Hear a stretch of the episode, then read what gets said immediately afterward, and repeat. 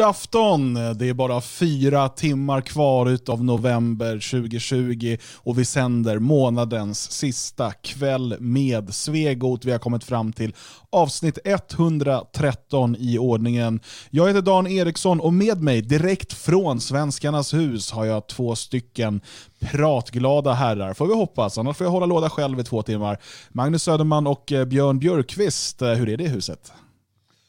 Ja, Björn, uh, hur är det här egentligen? Jag har ju som sagt fått uh, Björn vid min sida. Uh, inte bara andligt utan också kroppsligt, rent kötsligt uh, numera, vilket känns jättebra, jättespännande, jätteintressant på, på alla sätt och vis. Va? Så att, vi får se var det här slutar någonstans, men det är bra att ha honom här. Får vi se om det är hans internet som har varit segt eller om han helt enkelt är en riktig seg gubbjävel. Ja. Eh, Björn, vi pratade precis här innan, eh, innan sändningen drog igång om att vi kanske borde ändra den här frågan. Vi brukar, brukar fråga hur, vad man har gjort i helgen till hur är det med magen med tanke på att vi alla är gubbar med krämpor numera. Eh, så hur är det med magen? Eh, jo tack, lite gasigt men... Uh... Och Magnus kan bekräfta. ja, då är du ensam i studion nu då. ja, uh, det blir mer plats så.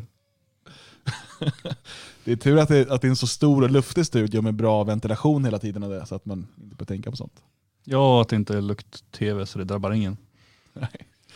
Ja, det är härligt. Det drabbar ingen det här. Ja, äh, så kul att du är på plats i Svenskarnas hus Björn. Jag önskar att jag också var där. Eh, jag skulle ha varit där just nu. Eh, vi vet alla varför det är, är, lite extra krångligt för tillfället. Vi jobbar på en lösning. Man kan också inspireras av hur man förr i tiden tog sig ut från DDR. Jag funderar på att smuggla mig här runt i covid-länderna med typ inbyggd i någon bil eller någonting.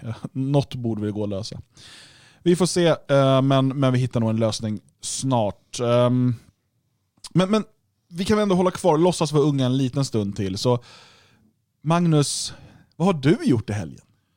I helgen förstår du så eh, har jag på alla möjliga upptänkliga sätt eh, nött ut mig själv. Vi hade ju en fantastisk fem timmars sändning i, eh, i lördags där när vi fyllde tre år. Vi kunde ju tyvärr inte ha den i, i huset, festen alltså. Utan det blev en, en eh, virtuell fest. Så då stod jag i den här studion i tre, eh, fyra, fem timmar som sagt. Mitt knä svullnade upp på, på natten. och sådär. Men det gjorde ingenting. till råga på allt, va? inte nog med det ansvaret som man ändå känner när man, när man gör en sån där livesändning så hade vi också övervakning av två, en dokumentärfilmar-duo, en, eh, en reporter och en, en filmare då.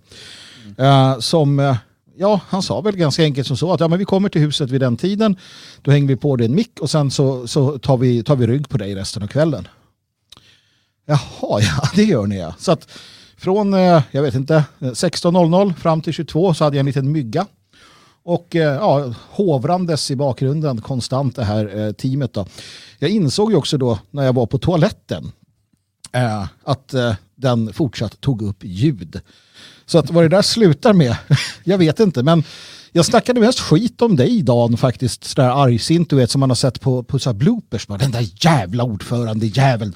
Nej, nu ska jag avsätta honom eller någonting sånt där. Något sånt sa jag. Och nu säger du det nu för att det ska avdramatiseras. Ja precis, det var ju bara på skämt allting. Jag vet. Nej, så det var, um... det, var lördagen. Ska jag fortsätta? Uh, jag skiter rätt mycket i din söndag. Jag ville mest prata om uh, treårssändningen. Uh, för att uh, det var ju väldigt, väldigt kul, väldigt lyckat och en sak vi hoppades med det här, eftersom det inte blev som vi hade tänkt, eh, var att kunna nå ut till lite nytt folk, eh, göra också kanske en del reklam för föreningen, eh, samtidigt som vi har en trevlig stund tillsammans med, med massa medlemmar och så. Och det får man ju säga att vi lyckades med. Dels så lyckades vi samla in målet för husfonden för november månad och det kom 10-15 nya medlemmar under kvällen. Eh, så det är en, en, en mycket bra kväll för föreningen. Och jag hade kul, jag hade ju eh, musiker bredvid mig hela tiden som ibland satt och spelade när han inte skulle spela. Eh, men annars spelade mest när det var dags. Eh, det, var, det var spännande. Eh, och, äh, det, var, det, var, det var riktigt roligt faktiskt. Mm. Ja, vi såg att ni hade kul i, i ditt hus. Eh. Det såg vi alla. Framförallt vi som tittade bakom kameran. Jag hade ju producent, Ludvig, producenten, bredvid mig. Så att jag kunde ju se allas kameror när inte publiken såg dem. Det var fantastiskt kul hemma hos... hos eh, I det, i det Erikssonska palatset ja. precis, det var klackarna i taket från start. Ja, vi får se när det blir något liknande igen. Vi har ju en eh, stor satsning på alla våra mediekanaler eh, under nästa år. Eh, och bland annat då Radio Svegot där det kommer in en hel del nya program. Eh, bland annat en ny eh, podcast med Ludvig Delin som proddade här, som kommer göra en podd tillsammans med Frode Midjord som ju var med och, talade och var med oss där under, under treårsfesten. Som kommer börja sända och komma ut efter nyår. Men en hel del annat gott också. Och Det kommer även komma tillbaka då något som har varit väldigt saknat från motgifttiden.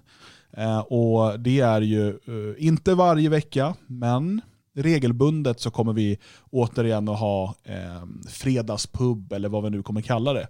Alltså mer uppsluppen, kanske med livemusik, kanske liksom, ja, lite mer lite mer fest, lite mer avslappnat, eh, lite mindre eh, uppstyrt på det sättet. Så att, eh, det kommer bli, bli riktigt kul faktiskt. Ja, jag kommer ju vara med i den också för att se till så att det inte blir för roligt. Mm. Eh, för någonstans måste man ju också liksom tänka på att det är en dag imorgon och sådär. Så att jag, jag är också med på fredagsfestligheterna. Du är dock eh, bannlyst från dem, så att det är inga problem. Vi har eh, massa intressant eh, att eh, tala om ikväll. Vi ska såklart prata om eh, Fredrik Federley som inte bara har häcken full utan dessutom verkar ha liksom väldigt dåligt umgänge. Eh, vi ska prata om svenska statens valpåverkan i bland annat Ungern. Eh, och eh, om Joe Biden som eh, vill använda en sydafrikansk eller zimbabwiansk modell eh, för att ta USA framåt. Han har sett dessa skinande exempel eh, och tänker att det här ska vi göra i USA. Eh, det kommer vi snacka om. Och Sen har vi fått ett långt eh, kritiskt mejl efter förra veckans sändning. Och Vi bad ju om det. Alltså, när vi pratade om framtida organisering, framtiden för staten och så vidare. Just det här, om du inte håller med, hör jättegärna av dig och berätta varför och hur du tänker då. Eh, Så då har det kommit ett, ett mejl. och vi kommer eh, gå igenom det eh, i andra delen av programmet. Men jag vill först påminna om att på torsdag så är det en digital medlemskväll för dig som är medlem i föreningen Det Fria Sverige. Du måste då gå in på friasvenskar.se under evenemang och registrera dig. Man måste vara förhandsregistrerad. Så kommer du kunna delta på den här medlemskvällen eh, och där kommer dels information från föreningen men det är eh, också ett eh, tillfälle att lära känna andra medlemmar på ett mer avslappnat sätt, kunna komma med frågor, idéer, det är liksom, nu när vi inte kan mötas hela tiden i Svenskarnas hus så är det här ett, eh, ett substitut för det. Eh, och Dessutom så är det så att nya numret av vår tidskrift, Nationalisten, kommer ut i eh, slutet av den här veckan. Blir det vad Magnus? Jag tror fredag är väl datumet då det ska vara klart. så Den kommer väl ut på måndag som lösnummer tror jag. Ja, precis. Det, det ska, ja, precis. Jag är inte helt... Jag har det i en... Jag har de viktiga... Ja. Det blir bra det där ska ni se. Fantastisk eh, tidning. Det handlar mycket om valet i USA naturligtvis. Eh, och eh, sådana såna saker. Ja, eh, jag kan bara då säga att eh, det här är något som medlemmar internt och så redan vet, men till nästa år, så, alltså till numret efter det här, så eh, kommer eh, nationalisten ta ganska stora steg framåt i eh, design och layout och i tryck och så vidare. Det kommer bli en mycket mer, Eh, vad ska man säga, en lyxigare känsla i tidningen och, och eh, ett stort lyft. Det, det, man får se det för att förstå det kanske. Men det kommer också innebära att det kommer bli prisförändringar under nästa år. Eh, och eh, för att kunna täcka kostnaderna för det här eh, bättre trycket. Eh, så att priset kommer gå upp på nationalisten i början av nästa år. Så att tecknar du en prenumeration nu så kommer du, så länge du är prenumerant, att behålla det nuvarande priset. Så det är ett utmärkt tillfälle. Teckna prenumeration nu så du får nya numret som kommer här i slutet av veckan. Eller skickas ut i slutet av veckan åtminstone. Eh, och så eh, kan du då stanna kvar på det här mycket billigare priset. Eh, och undvika prishöjningen helt enkelt. Eller, eller så väntar du tills det blir dyrare och tittar hur mycket dyrare det blir. Och sen lägger du på ytterligare mer pengar och betalar ännu mer för att du känner att ja, jag vill inte komma undan så billigt som möjligt utan jag vill ge så mycket jag kan för att jag tycker det här är en bra idé så att jag ska pusha in så mycket pengar som möjligt i det projektet. Så kan man också göra. Jag säger inte att det ena är rätt och det andra är fel. Jag bara säger att så kan man göra. Mm. Eh, och det är 30 november idag och idag så har vi därför publicerat en eh, podcast på eh, Radio Svegot, alltså på svegot.se om Karl XII som Magnus Söderman har gjort. Um, och det är ju det är en sån här dag då vi har eh, Karl XII, det är också Cornelio Codrianos dödsdag och uh, Mikael Krusells dödsdag. Um, det, det, är en... Uh, alltså det är ett datum som är, uh, som, som, som, är väldigt tätt sammanknippat med, med vår rörelse, inte sant? Ja, Björn, alltså hela alltså december och november känner jag är ju sådana där, alltså inte bara mörka till eh, ljuset utan det är mycket av det där eländet händer just i de här månaderna av någon anledning. Som sagt, vi, vi, vi närmar oss ju Daniel Wretström också med, eh, med stormsteg. Ja, det är ju även idag, 30 november, är det ju även eh, Sovjetunionens intåg i Finland. Um, 39 var det va? Jag slängde ur mig en siffra, jag tror att den stämmer. Eh, så det är absolut, det, är väldigt många datum. Men det, men det som är mest eh, för svenska nationalister är ju naturligtvis Karl XIIs dödsdag. Mm. En gång i tiden ska ni veta så var det ju, då hade en dag som denna inneburit att man befann sig i, klädd sina bästa uh, gå bort-kläder, höga kängor och vad det kunde ha varit. Eh, I Lund, Malmö kanske, eller Stockholm. Närmare bestämt eh, Kungsträdgården för att eh, lägga ner kransar. Ja, någon gjorde väl det. De flesta var där för att få eh, helt enkelt... Det eh, ryktas om att det är ganska många samlade där just nu faktiskt. Är det sant? Mm. Vad fan gör jag här? Vad fan, jag kan ju inte stå här och sända. Jag tror att bilder kommer på sociala medier ganska snart. Nej, men det är ju fantastiskt. Alltså, sånt där gör en ju väldigt varm i det här gamla hjärtat. Uh, att det där fortsätter. Um, nej men det, det, det, är ju en av de kanske viktigaste uh, demonstrationsdagarna som rörelsen har haft. Alltså det går ju tillbaka till, till uh, jag vet inte Björn, du kan ju den här rörelsen. Ja, nej, jag vet faktiskt inte när, när det började. Um, men, men det har ju kommit till och från sen, sen statyn restes i alla fall. Mm. På 1800 det var något jubileum. Ja, precis. Och, och faktum är att statyn restes ju eh, genom benägen hjälp, inte av, inte av staten. Utan det var privata insamlingar. Um, alltså stockholmare framförallt i gemen som gick samman uh, och betalade hela den här uh, statyn som står än idag där då. Uh, och det var ju en, en, en, fin handling måste man säga. Så att tydligen går det att resa statyer utan, utan centralmakten på det sättet. Fast Miljöpartiet vill ta bort den. Det vill de ja, på, på vår bekostnad. Inte, mm. ja. Det vill de ju. Det blir inget med det va, miljömuppar. Um, Nåväl, uh, den här pluspodden kan jag verkligen rekommendera. Um, där har man lite om Karl XIIs uh, gärning ur ett uh, nationalistiskt perspektiv. Nu ska vi ta oss in på kvällens första ämne och ehm, det rör Fredrik Federley, toppolitikern från Centerpartiet som tidigare kanske var mest känd för att han stod och grinade i, i eh, riksdagens talarstol när han röstade för eh, den så kallade FRA-lagen trots att han var emot den. Um, också kanske för att han blev rånad uh, utav uh, en eller flera utlänningar uh, och polisen satte in helt andra resurser för att hitta dessa rånare än vad man gör för när, när de normala svenskar drabbas. Um, han har eh, sedan eh, 2014 arbetat nere i Bryssel i Europaparlamentet. Och eh, jag tänkte säga så här att nu har han varit, och nu har han varit i media överallt, men det är inte riktigt sant va Magnus?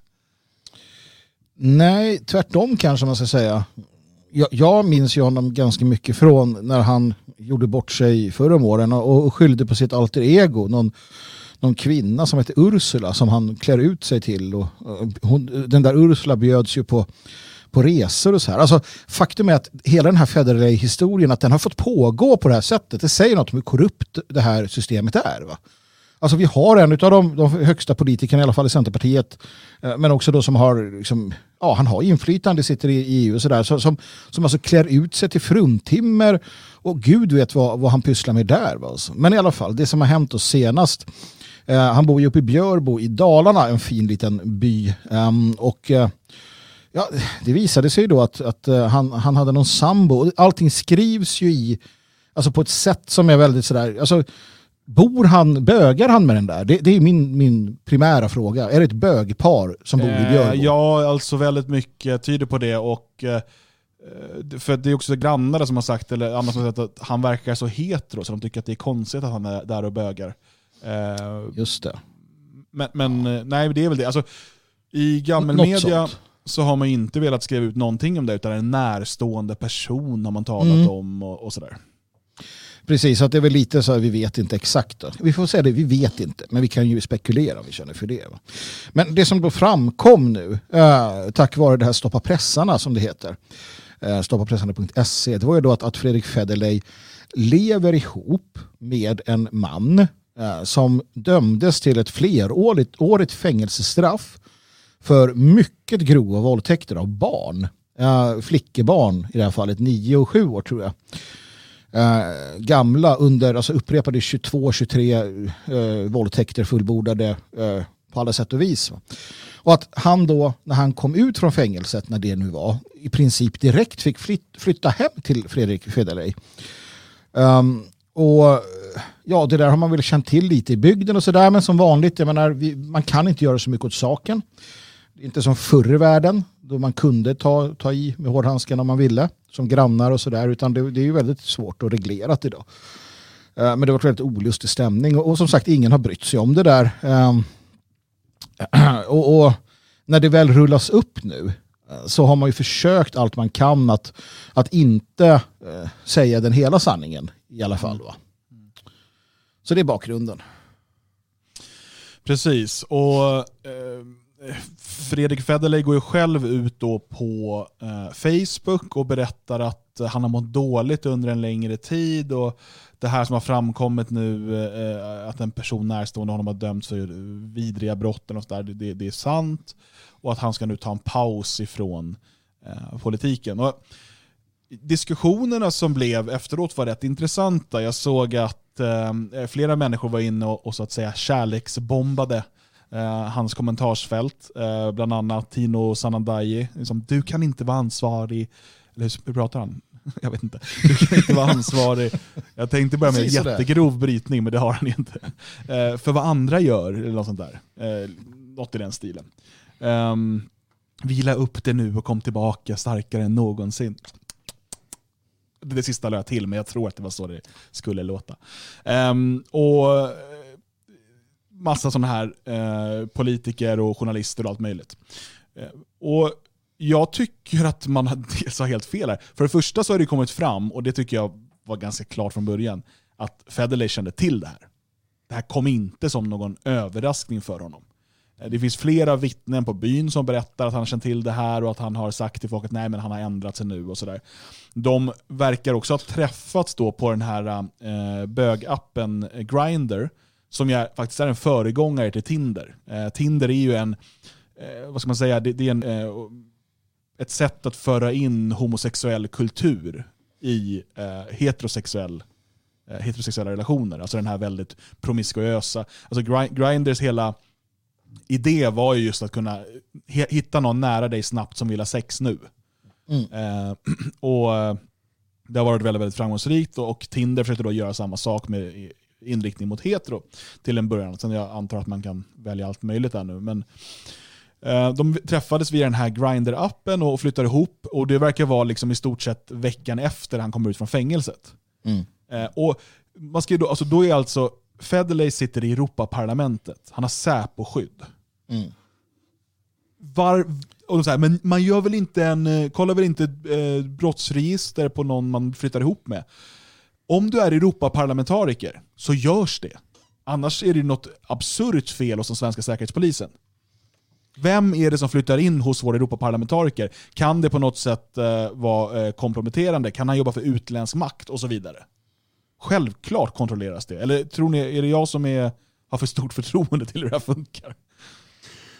Uh, ja, nej, men det är väl klart att man har vetat om det. Allt annat vore ju ja, inte bara konstigt, det är ju helt uteslutet. Det, det är ju klart. Och arbeta för främmande makt, jag menar homosexuella och andra sexuella grupper anses ju numera vara egna folkgrupper. Så det är klart att de, de kämpar för annan makt i så fall. De, de har ju mm, andra intressen, andra folkgrupper då, som de är deras huvudsakliga intressegrupper. Mm. Mm. Det sägs ju också att han har uh, låtit, uh, erbjudit grannarna att uh, läsa, läsa domen. domen. Och det fattar jag inte heller. Är, det, det, känns som att det utelämnas någonting här. Är det något i domen som skulle vara förmildrande? Nej, men det kan ju också vara att man är så uppåt väggarna snedvriden att, uh, att, man, att, man, att man liksom... Alltså jag tänker det, naturligtvis kära, kära tittare, lyssnare, vad ni nu än är. Det här är ju att vandra på en knivsägg. Um, ehm, men, men med tanke på Fredrik Federley och hans beteende tidigare, jag tänker det att han då uh, klär ut sig till Ursula. Uh, han har på fullaste allvar hävdat när han blev, uh, enligt vissa är så bestickning, då, eller mutbrott eller liknande eller mycket olämpligt och blev bjuden på resor och dylikt. Mm. så sa han ju att nej, det var inte jag, det var Ursula. Alltså det för min del är ju nästan en, en, ett tecken på en psykisk störning va? utan att vara expert. Men, men om du menar att, du är, att det inte är du Fredrik Federley utan Ursula som blir bjuden på resor. Eh, då menar jag att du kanske har en, en, en dubbel personlighet. Och jag tänker med det i åtanke. Och sen så att du då flyttar in med, eh, det pirrar till lite när du ska flytta in med en, en ytterst eh, grov pedofil, alltså som har begått grova pedofila brott. Um, att, att det här att visa upp vad han har gjort jag tänker att det kanske inte ens är vad vi tror, utan det kanske är en grej, så att titta vad han har gjort. Alltså förstår ni hur jag tänker? För att det finns ju inget förmildrande med att läsa detaljerade beskrivningar av, eh, av våldtäkter på barn. Det går ju inte att tycka det någonstans. Va? I såna, om man inte befinner sig i så pass depraverade och sjuka kretsar, mm. uh, att det liksom är Eh, normalt, eller alltså till och med någonting bra då i de kretsarna. Mm. Och, eh, jag vet inte vad det är för kretsar, eh, liksom om, det, om, vi, om man liksom ska gå ner i hela eh, Pizzagate-hålet här, eller om det liksom är RFSL-andan det handlar om, eller vad det nu än är. Mm. Eh, men, men eh, om det stämmer att han har velat visa upp domen, för mig är det helt oförklarligt. Ja, för det finns ju ingenting, um, jag, jag, läste inte hela domen, jag orkar inte med det och har ingen skyldighet längre att rapportera på ett sätt som man gjorde förr när man drev den formen av medier. Men jag började läsa domen för att jag tänkte att ja, det kanske finns något förmildrande, men det gör det ju överhuvudtaget inte. För att uh, den här människan erkänner ju allting. Han mm. erkänner ju sina brott, han uh, berättar att han har gjort det, han berättar ganska detaljerat vad han har gjort. Sen mm, kanske han nekar till vissa detaljer som offren har berättat, men, men i det stora hela så erkänner han ju allting. Det, det är ju det här är ju en människa som överhuvudtaget inte tycks ha någon äh, ånger över det han har gjort och aldrig någonsin borde släppas ut. Uh, mm. Naturligtvis borde det finnas klart starkare straff än så för, för en sån här människa, men, men eh, med svenska mått mätt så borde han ju aldrig släppas ut. Han är en sjuk människa, han ska ju sitta inspärrad på någon form av mentalsjukhus. Han ska ju aldrig ut bland människor igen. Mm. Sen blir det ju etter värre här, förstår ni. Det blir ju etter värre. För att inte nog med att vi har hela det här, Stoppa pressarna fortsätter ju att skriva om det här. Och, och, och jag menar först och främst så, så jag hade ju glömt bort det. Men Fredrik Federley har en dotter som är nio år gammal. Som jag förstår det. Vilket Bor. är eh, obehagligt nog exakt samma ålder som den en, som väl flickan som den här pedofilen våldtog va? Precis, och då undrar jag, bor hon med de här? Alltså, bara där har vi ju ett jätteproblem. Om, om då en nioårig dotter bor tillsammans med eh, Fredrik slash Ursula Federley eh, och då en nyss, eller ja, jag vet inte när det här skedde då, men en, en person som var dömd till ett långt fängelsestraff för, för grova våldtäkter på barn, varav en då flicka i nioårsåldern.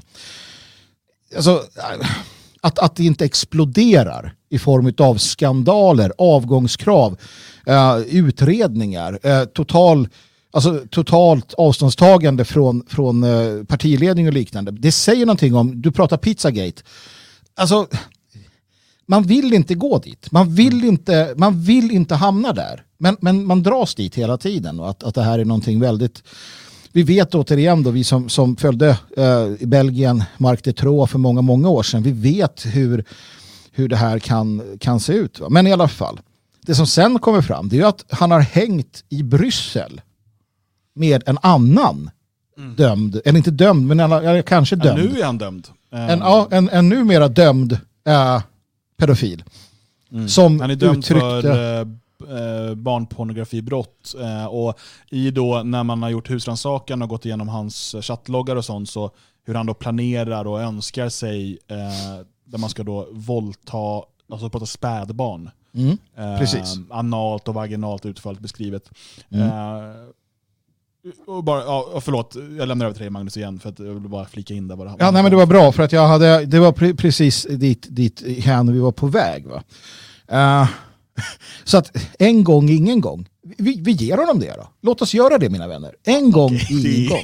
Jag tycker Nej, att det är väldigt generöst i det här fallet. Ja, men det är inte han så visste att, han, inte... att han bara var, var Facebook-kompis med någon. Utan... Nej men han visste inte om det. Han, han ville inte gräva där. Han var kär, han ville inte förstå, han, han, han förnekade det. En gång, ingen gång. Men andra gången, då är det två gånger. Och det är två gånger. Då kan vi ta bort det här en gång, ingen gång. För att då, då är det ett mönster han umgås med. Men är inte det så, är det konstigt då? Om vi säger så, är det så konstigt? Vi har den här operabögen som, mm. som skriver barnböcker med en pedofil, en pedofil, mm. en homosexuell pedofil som i alla fall är ett uttryck för den, en dömd sån ja. ja. Och det är okej. Okay. Alltså det är mer och mer okej okay att vara homosexuell och pedofil. Mm. Eller? Ja, det verkar ju uppenbarligen så. Och då ska man ju säga då att den här eh, vännen till honom, de, de beskrivs hur de har åkt runt på sexfester och sånt då. Eh, inga detaljer om vad för typ av sexfester, bland annat då i Bryssel. Medan han har då hovat in eh, skattepengar. Eh, och eh, Han blev dömd tidigare i år för de här barnpornografibrotten. Och, eh, jag, jag kan inte på något sätt tro att Federley inte känner till det. Alltså det, de är, de är som vänner som träffas ofta och festar ihop. Att, mm. Han ska missa att hans vän döms till, jag tror att han dömdes väl till, till fängelse. Uh, ja just han avtjänar just nu fängelsestraff läser jag här. Uh, men Federley är fortfarande vän med honom, då är vi återigen på Facebook då, och fortsätter gilla hans uppdateringar. Jag menar, mm. om vi säger då att det kom som en chock, va? Är du en sån? Då hade man ju liksom, jag menar, folk avslutar vänskap på Facebook för mindre. Och man hade inte varit inne och uppmuntrat en sån person. Alltså, speciellt inte när man är andra vice partiordförande, när man är ett av de kändaste namnen för Centerpartiet, när man är ledamot av Europaparlamentet. Man har ju ett superstort ansvar.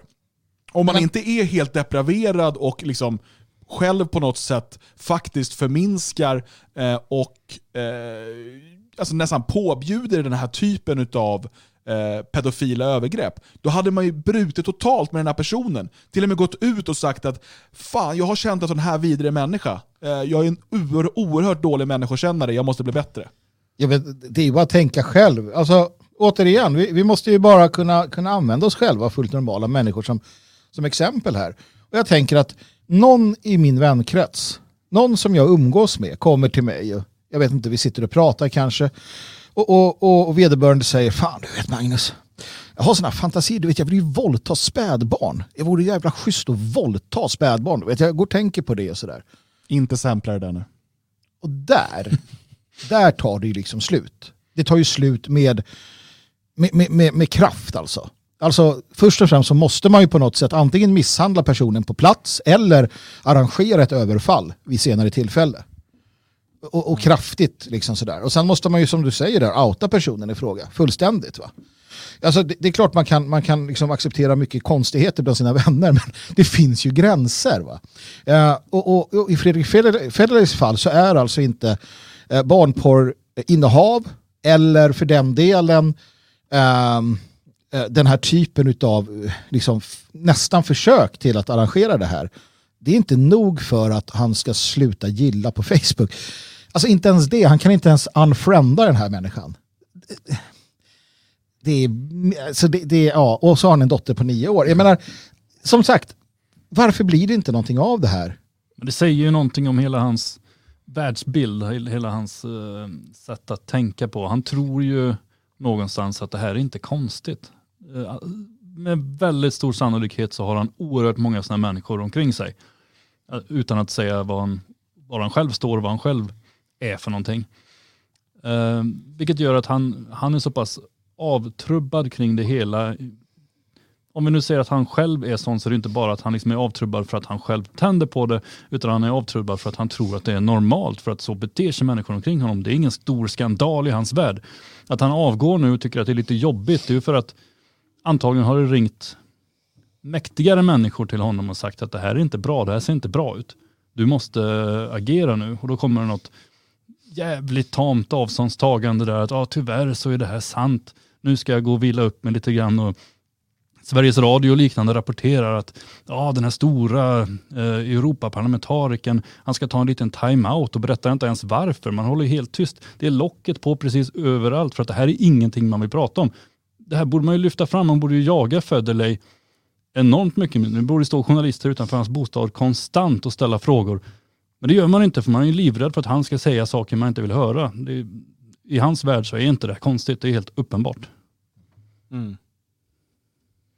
Ja, det, eh, jag vet inte om vi någonsin får veta hela sanningen. Jag tycker dock det är intressant, i, i måndag så publicerade ju eh, en, Centerpartiet en ganska, det var en ganska hafsig debattartikel om varför man måste ta eh, sexbrott mot barn på större allvar. Mm. Eh, och någon skrev på Twitter till Annie Lööf att men det där var ju bara för att försöka eh, minska fallet här liksom och skademinimera. Och hon, då säger hon nej, jag visste absolut ingenting om det där när vi skrev den här, eh, svarar hon.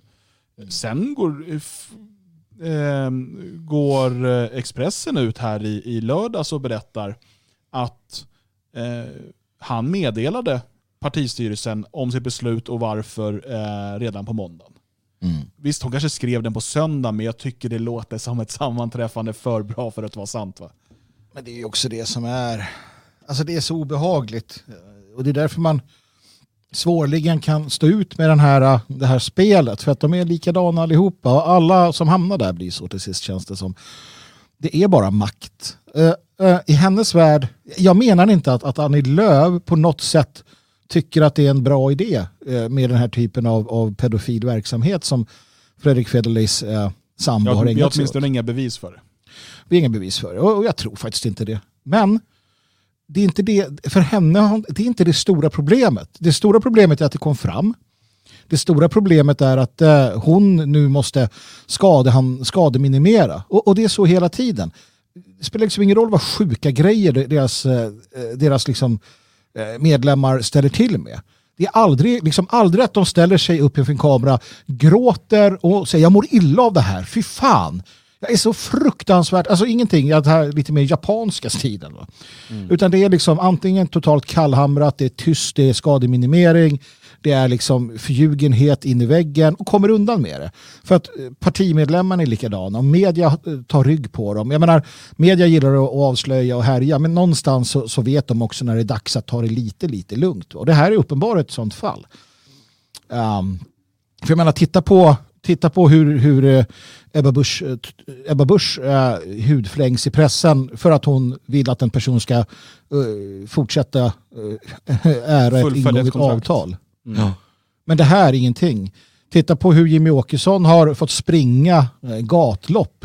Jag vet inte hur många gånger. Han, de ringer och säger att du, det var någon som nös och råkade säga Sieg Heil samtidigt eh, i en nysning. Vilket händer måste avstånd. man tror faktiskt. Ja, det, det, är faktiskt det är väldigt lika varandra. Det är pros, pros, prosit och så, sådär. Ja. Eh, tyskt, allting, nysningar är tyska. Men och så måste han ta avstånd. Men har någon krävt så här, Annie Lööf avgår? Du har ju för fan superpredatorer i partiet. Eller ja, ja, nu kanske inte han just är en sån, men sådär. Nej, det vet ingenting. vi ingenting om, men han är ju uppenbarligen en, en, en människa som inte, och det, det har vi i och för sig kunnat konstatera tidigare, men det här är väl ännu ett bevis på att han absolut inte ska ha någon som helst maktposition. Alltså är man en så dålig människokännare att man låter en dömd barnvåldtäktsman flytta in hos sig, det säger ju, alltså, han ska då sitta i möten med liksom utländska digniteter och representera Sverige. Med den, med den eh, personkännedomen. Alltså det, det är ju... Och jag menar, någonstans så, så faller det här faktiskt tillbaka på Annie Lööf och de andra personerna i Centerpartiet som har gett honom den plattformen. Mm. För ja. de är också uppenbarligen usla människokännare.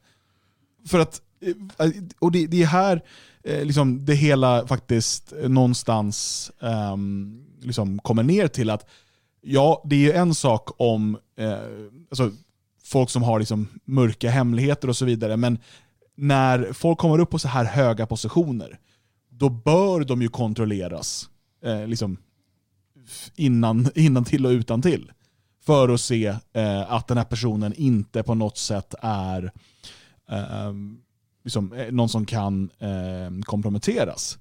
Eh, här vet vi ju också, det, det, det är ju ett, ett känt um, maktmedel att hitta människor med olika typer av um, kanske sexuella um, uh, deprivationer eller sexuella perversioner som de skäms för eller som man liksom kan hålla emot dem. Det, det är ett klassiskt utpressningssätt. Eh, varför jag tror att det finns en överrepresentation bland makthavare, eh, som människor som har begått ganska, eh, ganska obehagliga sexuella övergrepp, eller åtminstone gett uttryck för sådana tankar och som sen kan hållas emot dem.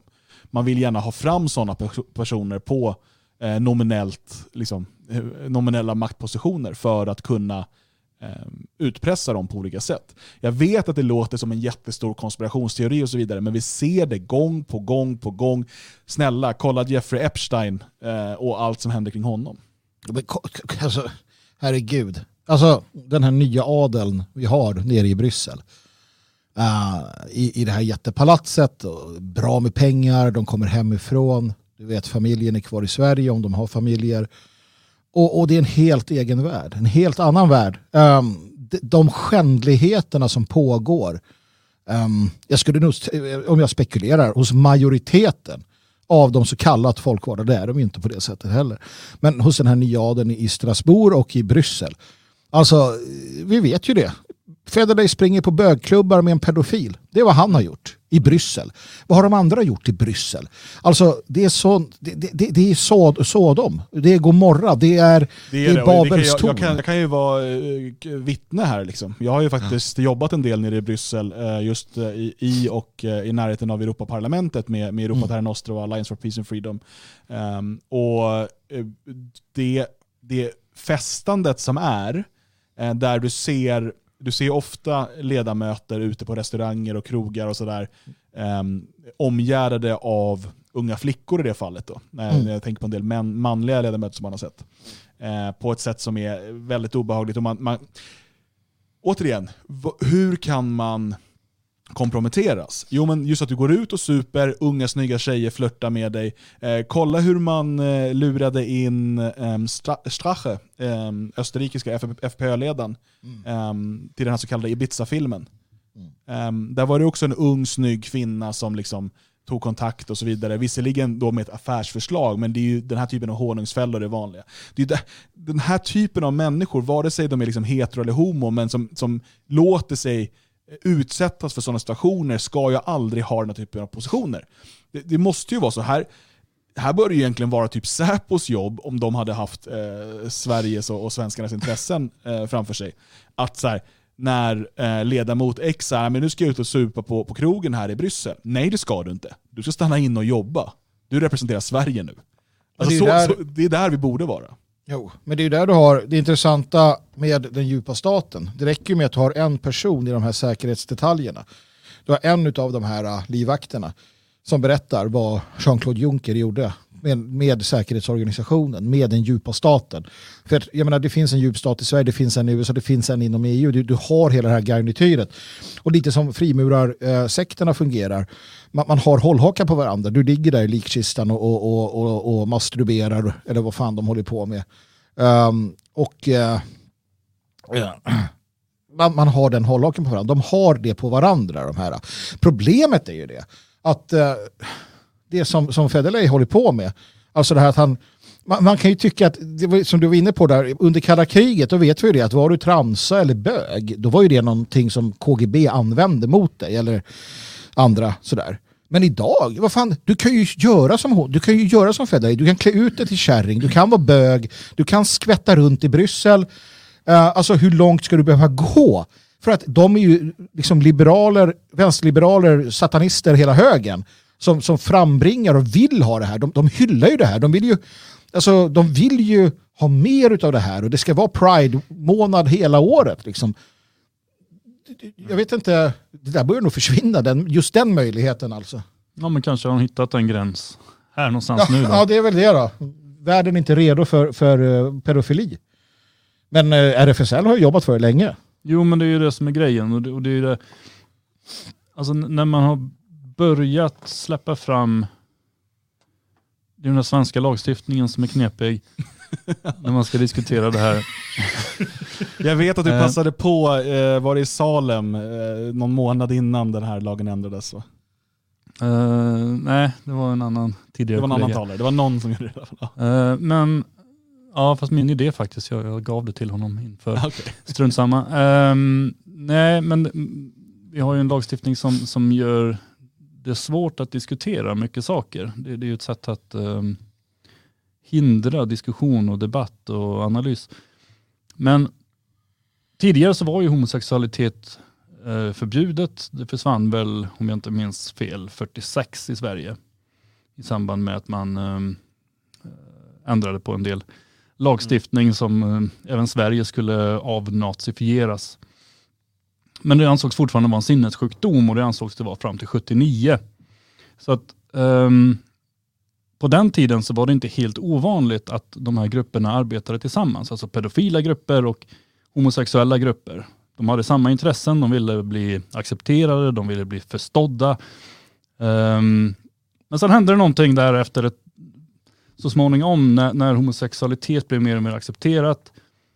Um, vi hade, det var väl in på 80-talet, vi hade pedofila arbetsgruppen inom RFSL.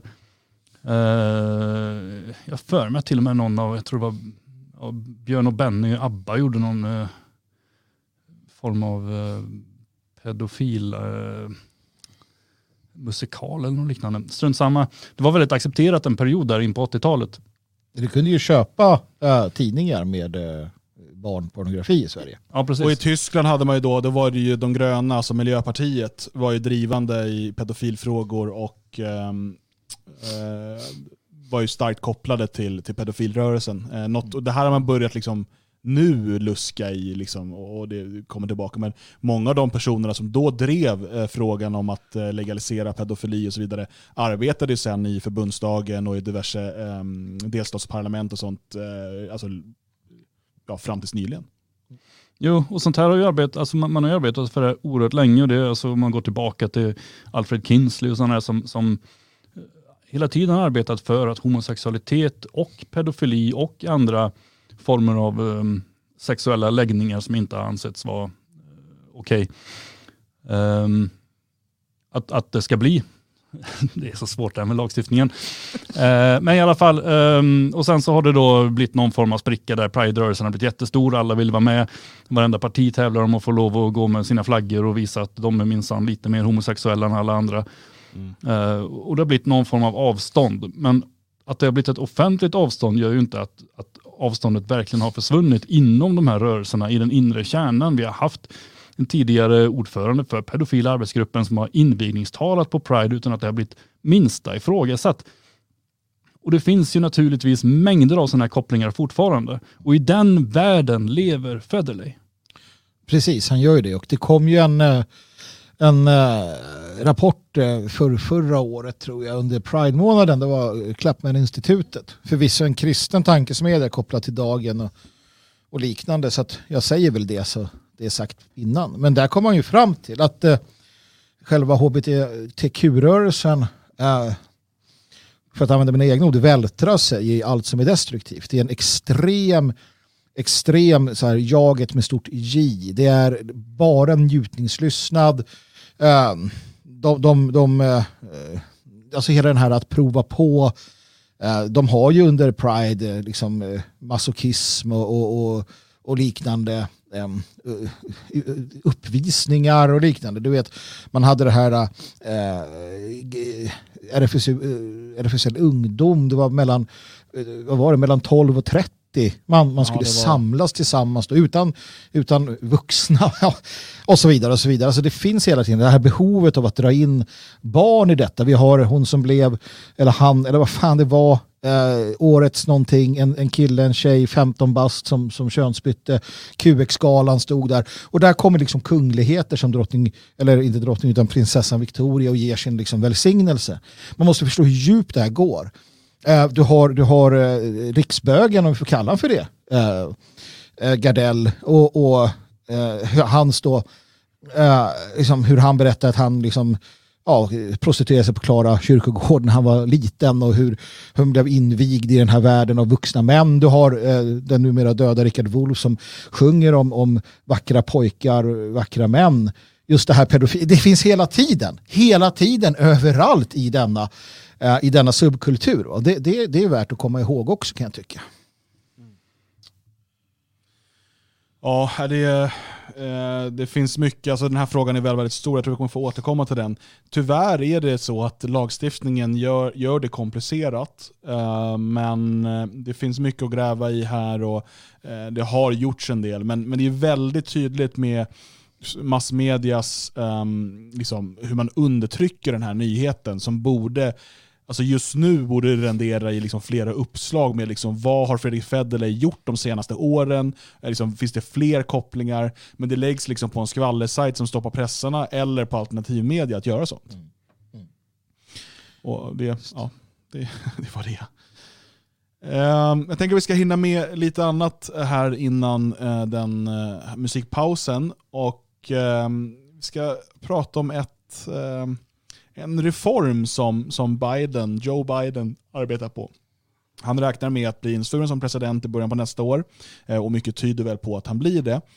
Eh, och En sak som han vill göra då det är eh, en lantbruksreform där staten ska gå in och köpa upp åkermark som blir till salu på marknaden och sen ge detta utan kostnad till svarta som säger att de vill bli lantbrukare. Eh, och det, det är...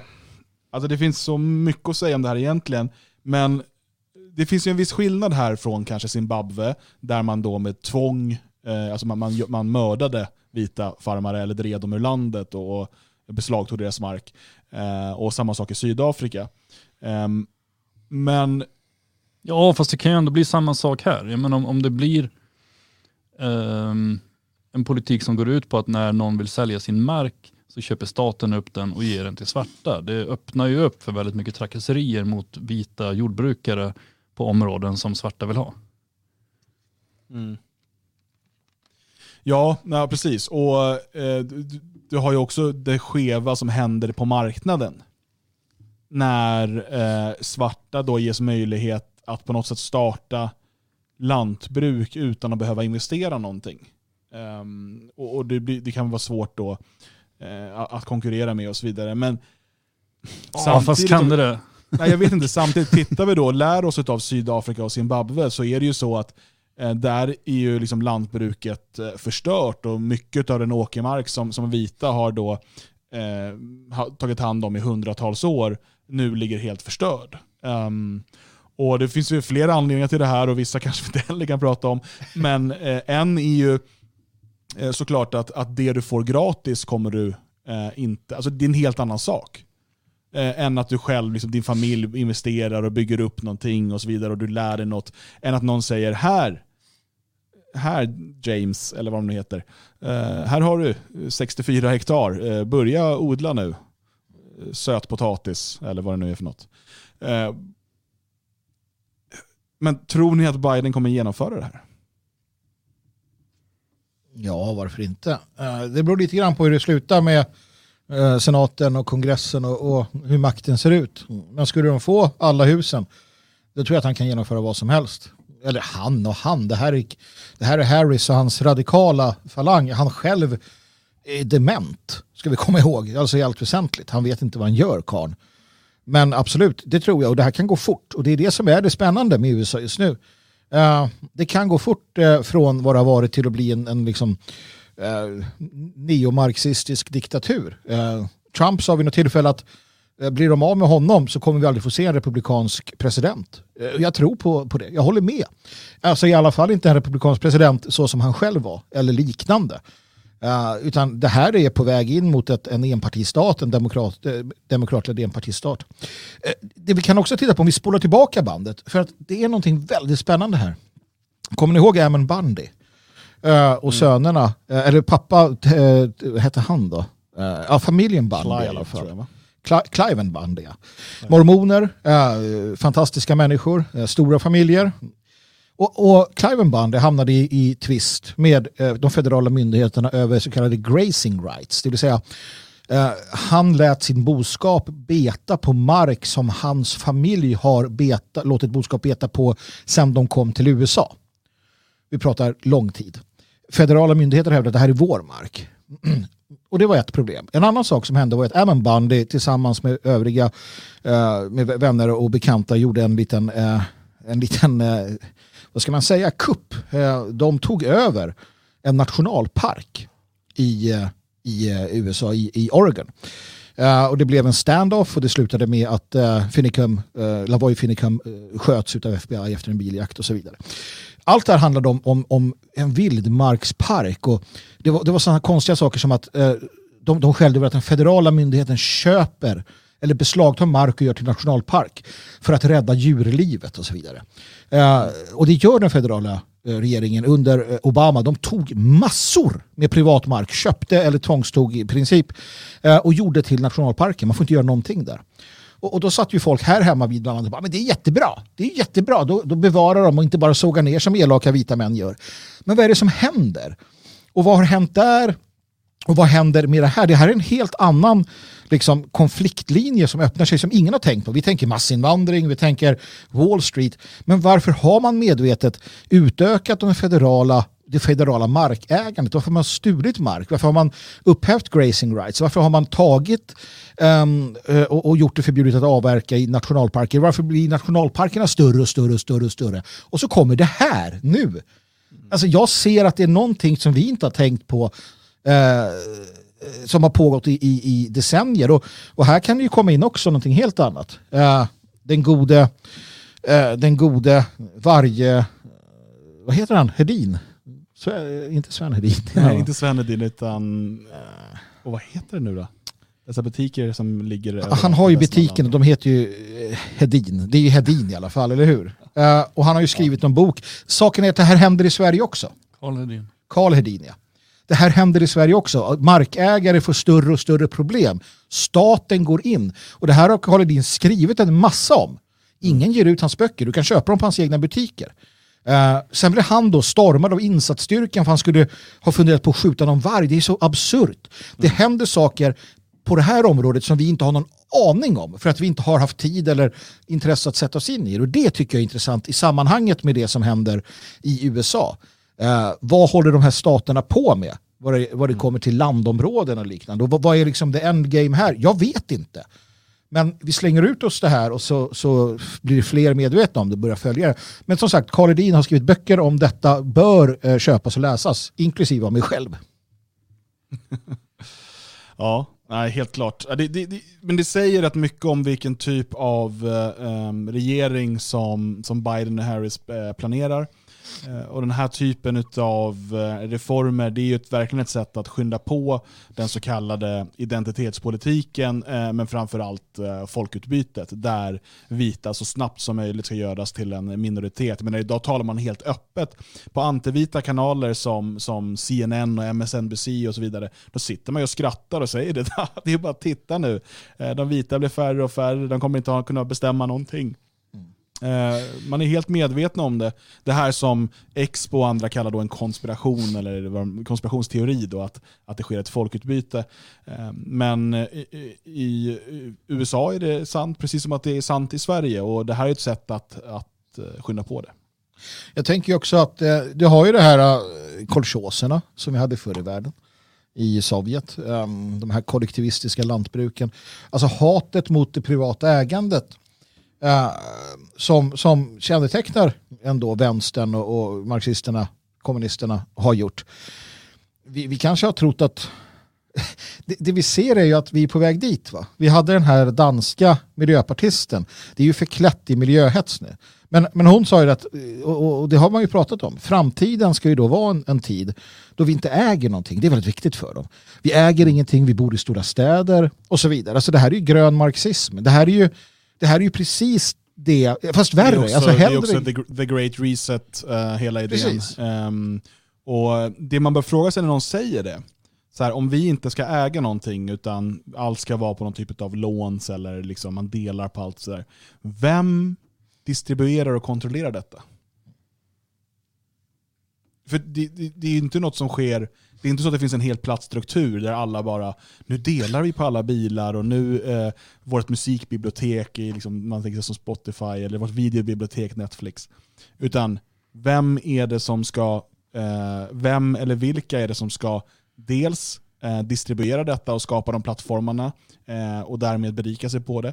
Och vem är det som i slutändan ska kontrollera att folk inte äger någonting? Och med vilken makt? Det är ju här vi måste återigen slå ett slag för den tredje positionen, den tredje vägen. Bortom marxism, socialism, kommunism, bortom kapitalism, rovdrift, eh, globalism. För att ingen av dem är bra. Det är två sidor av samma mynt. Eh, det är lätt att hamna när man blir eh, medveten om socialdemokratin, man blir medveten om den här staten som sväller. Det är lätt att dras så att säga högerut Eh, och börja identifiera sig med, med fri marknad och bara låta alla, för då kan i alla fall jag äga någonting, då kan det i alla fall vara mitt. va. Och när de här säger det, det, det första man vill göra det är att köpa grejer. När, när dansken säger att vi ska inte äga någonting, då, då, man har ju lust att bara köpa, köpa, köpa, köpa. Um, men, men man måste ju se till just att det är två sidor av samma sataniska mynt. Den tredje positionen, den tredje vägen, bortom kapitalism, bortom socialism. Det är ju fortfarande där vi hamnar. Um, och det där borde vi prata mer om. Uh, om alltså den, den ideologin bakom, eller vad, vad, innebär det idag? Inte vad det innebär för Per Engdahl, inte vad det innebar för distribuisterna som har den katolska tron som, som ryggsäck. Utan vad betyder det idag i, inte ens i atomåldern, vi lever ju i IT-åldern eller snart post-IT-åldern. Jag, jag, tror att vi kommer faktiskt eh, komma in på det här i andra delen när vi ska tala, när vi ska gå igenom det här eh, lyssnarmejlet med, med kritik. Um, för att eh, det finns ju mycket där som jag känner att kanske behövs förtydligas eller, eller rättas till i den kritiken. Eh, men för att jag menar ju att det vi formulerar eh, och organiserar just nu är en tredje position anpassad för den här eran. Mm. Eh, men det, det, det, kommer vi tala om eh, i andra delen. Då kommer vi också eh, tala om hur den svenska staten eh, finansierar valpåverkan i bland annat Ungern. Eh, och där har eh, Björn Söder av alla rutit ifrån i riksdagen. Men först så ska vi ta en musikpaus. Får ni chans till en liten bensträckare. Och ehm, den här gången så har vi hämtat musiken ur ett datorspel. Huh? Men det låter... Mm. They'll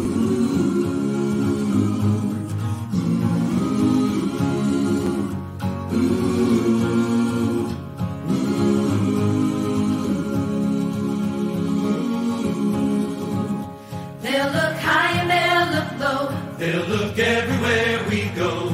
But when the sinners find us, we won't hide. They'll come loud and they'll come fast. But we shoot first and we can last. Keep your rifle by your side. Singing, Oh Lord, this earth was made for us. Singing, Oh Lord, this sinful life just ain't enough. So we'll take a stand, cause we must protect our land. Keep your rifle by your side. They'll come day and they'll come night they'll have our children. But if they don't have faith, their eyes are blind.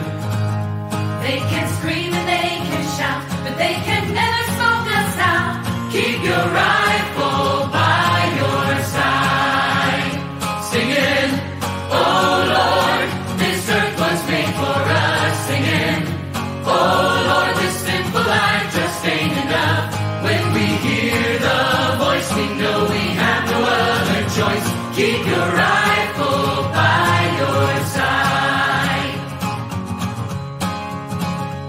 They'll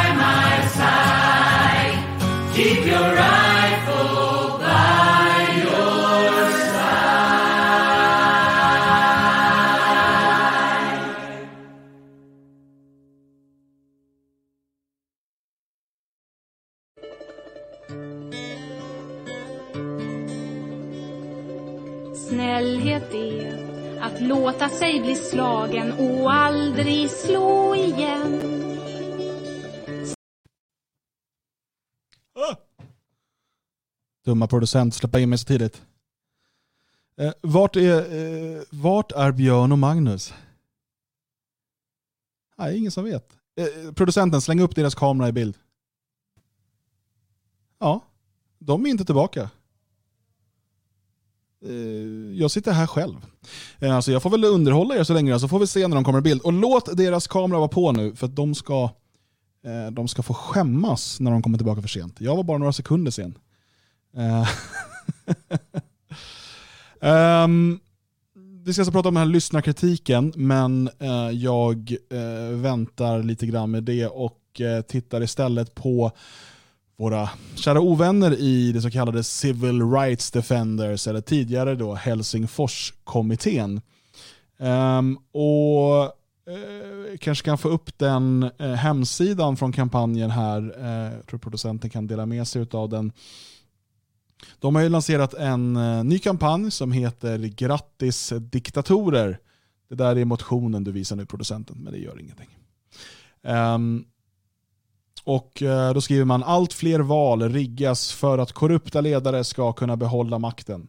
Men över hela världen vågar människor göra motstånd, stötta vårt arbete och vara med och skapa en framtid där förtryckare inte kan ta sin makt för given. Och man exemplifierar det här då med tre stycken diktatorer som man kallar det. Och då är det Bashar al-Assad, Vladimir Putin och Viktor Orban. Ja, välkomna tillbaka. Hej, ta på dig hörlurarna. Hej Björn. Hej hej. Hej. Hur mår du Magnus? Ja, Hur mår du? jo då för tusan. Det är bara fint här förstår du. Det. Ja, jag vet inte vad ni, vad ni hade för er, eh, men nu är ni två killar ensamma i ett stort hus och eh, det tar lång tid då. Ja, det gjorde det. Jag var tvungen att visa björnen eh, några etsningar jag hade här på nedervåningen. Um, nej, så man exemplifierar det med de här tre personerna som man kallar diktatorer. Det är ganska intressant att det här är då eh, tre stycken som på olika sätt utmanar den, den anglo-sionistiska maktsfären i, i olika grad. Um, eh, vi har ju då såklart eh, Bashar al-Assad som, som strider mot IS och andra USA och Israel stöttade terrorister i Syrien. Um, vi har Vladimir Putin som ju är en ständig nagel i, i, nagel i ögat på eh, så kallade väst eh, genom att eh, försvara Rysslands intressen i geopolitiska konflikter. Och Sen har vi då Viktor Orban som har blivit något av en eh, en, ska man säga, en, en profilfigur för invandringsmotstånd och eh, ett annat Europa. Eh, och Det intressanta med den här kampanjen eh, är ju att en av de absolut största bidragsgivarna till eh, Civil Rights Defender är den svenska staten. Eh, och om man då tänker på vad det här är, det är en, en organisation som då kampanjar för, som håller på med aktiv då försökt att påverka inrikespolitik i, i, i diverse länder. Ehm, så är det här det är alltså valpåverkan från den svenska staten. Ja. Och det är inget nytt under den solen kan vi säga heller. Eh, 2017 tog vi upp det på Svegot. Uh, kanske var till Ja, och vi- med het, heter På motgift. då. motgift till och med, sen så har vi återpublicerat det på Svegot. Och vi har pratat om det här också eh, flera gånger för att det är ju så roligt. Vi, vi hade ju de här uh, tillfällen när, när Putin var väldigt mycket på tapeten tidigare. Då var det ju väldigt mycket sådär att ah, Putins påverkan, Putin hit och Putin dit. Och sen så hittade vi då att, men vänta nu, vänta nu, Sverige säger ju öppet att vi eh, stödjer genom Sida då med skattepengar projekt i eh, Ryssland som syftar till att förändra Ryssland på ett sätt som mer liknar den svenska liberala demokratin. Inte den traditionella ryska bla bla bla. Öppet säger man det. Och sen är det Putin som är elak i alla fall. Alltså, vi sa ju det, det här är ju fullständigt absurt och det, det visar hur svekfulla de är, hur förljugna de är. Federley är ett exempel, det här är ett annat. Um, för att få bistånd från Sverige så kan det vara så att du måste fråga Ukraina som också skulle få bistånd och hjälp. Då var det som så att då var de tvungna att ja, men ni måste ha uh, kvinnor i försvaret. Ni måste ha separata toaletter. Ni måste ha trosor gratis till uh, och så vidare. Ni måste ha uh, träning för era poliser att bögeri är bra. Annars mm. får ni inga pengar. Nej. det är så det är. Uh, och vi vet, bara för att ta ett annat exempel här, hur, hur det kom ifrån eh, IMF, eh, krav på Vitryssland att genomföra lockdowns och införa munskydd. Just det. det är också intressant. Ja. hur man arbetar här på, på olika sätt. Och när det gäller Vitryssland så har ju um, Sverige under lång tid varit eh, en stor eh, aktör när det gäller att försöka förändra eh, deras inrikespolitik. Absolut. Det, är faktiskt väldigt intressant. Men den här kampanjen då, som nu också riktar udden emot Viktor Orban, alltså en demokratiskt vald ledare i ett EU-land. Samtidigt som vi hör rop ifrån flera svenska politiker nu om att eh, Polen och Ungern bör uteslutas ur EU om de inte går med på att bli kulturmarxistiska galenpannor. Mm. Mm. Eh, och, och, och, så pumpar staten in eh, pengar i sådana här projekt. Och alltså, just, det är inte några småsummor vi pratar om här. Alltså, bara ifrån Sida så är det 46 miljoner svenska skattekronor som går till Civil Rights Defenders. Eh, som bland annat driver den här kampanjen. Utrikesdepartementet slänger in eh, 5 miljoner. Myndigheten för ungdoms och civilsamhällesfrågor 1,6 miljoner. Och så vidare. Eh, övriga liksom, finansiärer, där hittar vi eh, liksom Satanslotten själv, eh, Postkodlotteriet. Eh, om du tittar på det här och köper lotter från Postkodlotteriet, eh, sluta med det, snälla. Du stödjer din undergång genom att göra det. Det är också oerhört dåliga chans, odds att vinna. Eh, lägg pengarna på något viktigare, något bättre. Eh, Open Society Foundation, George Soros är såklart med här. Eh, och eh, flera andra.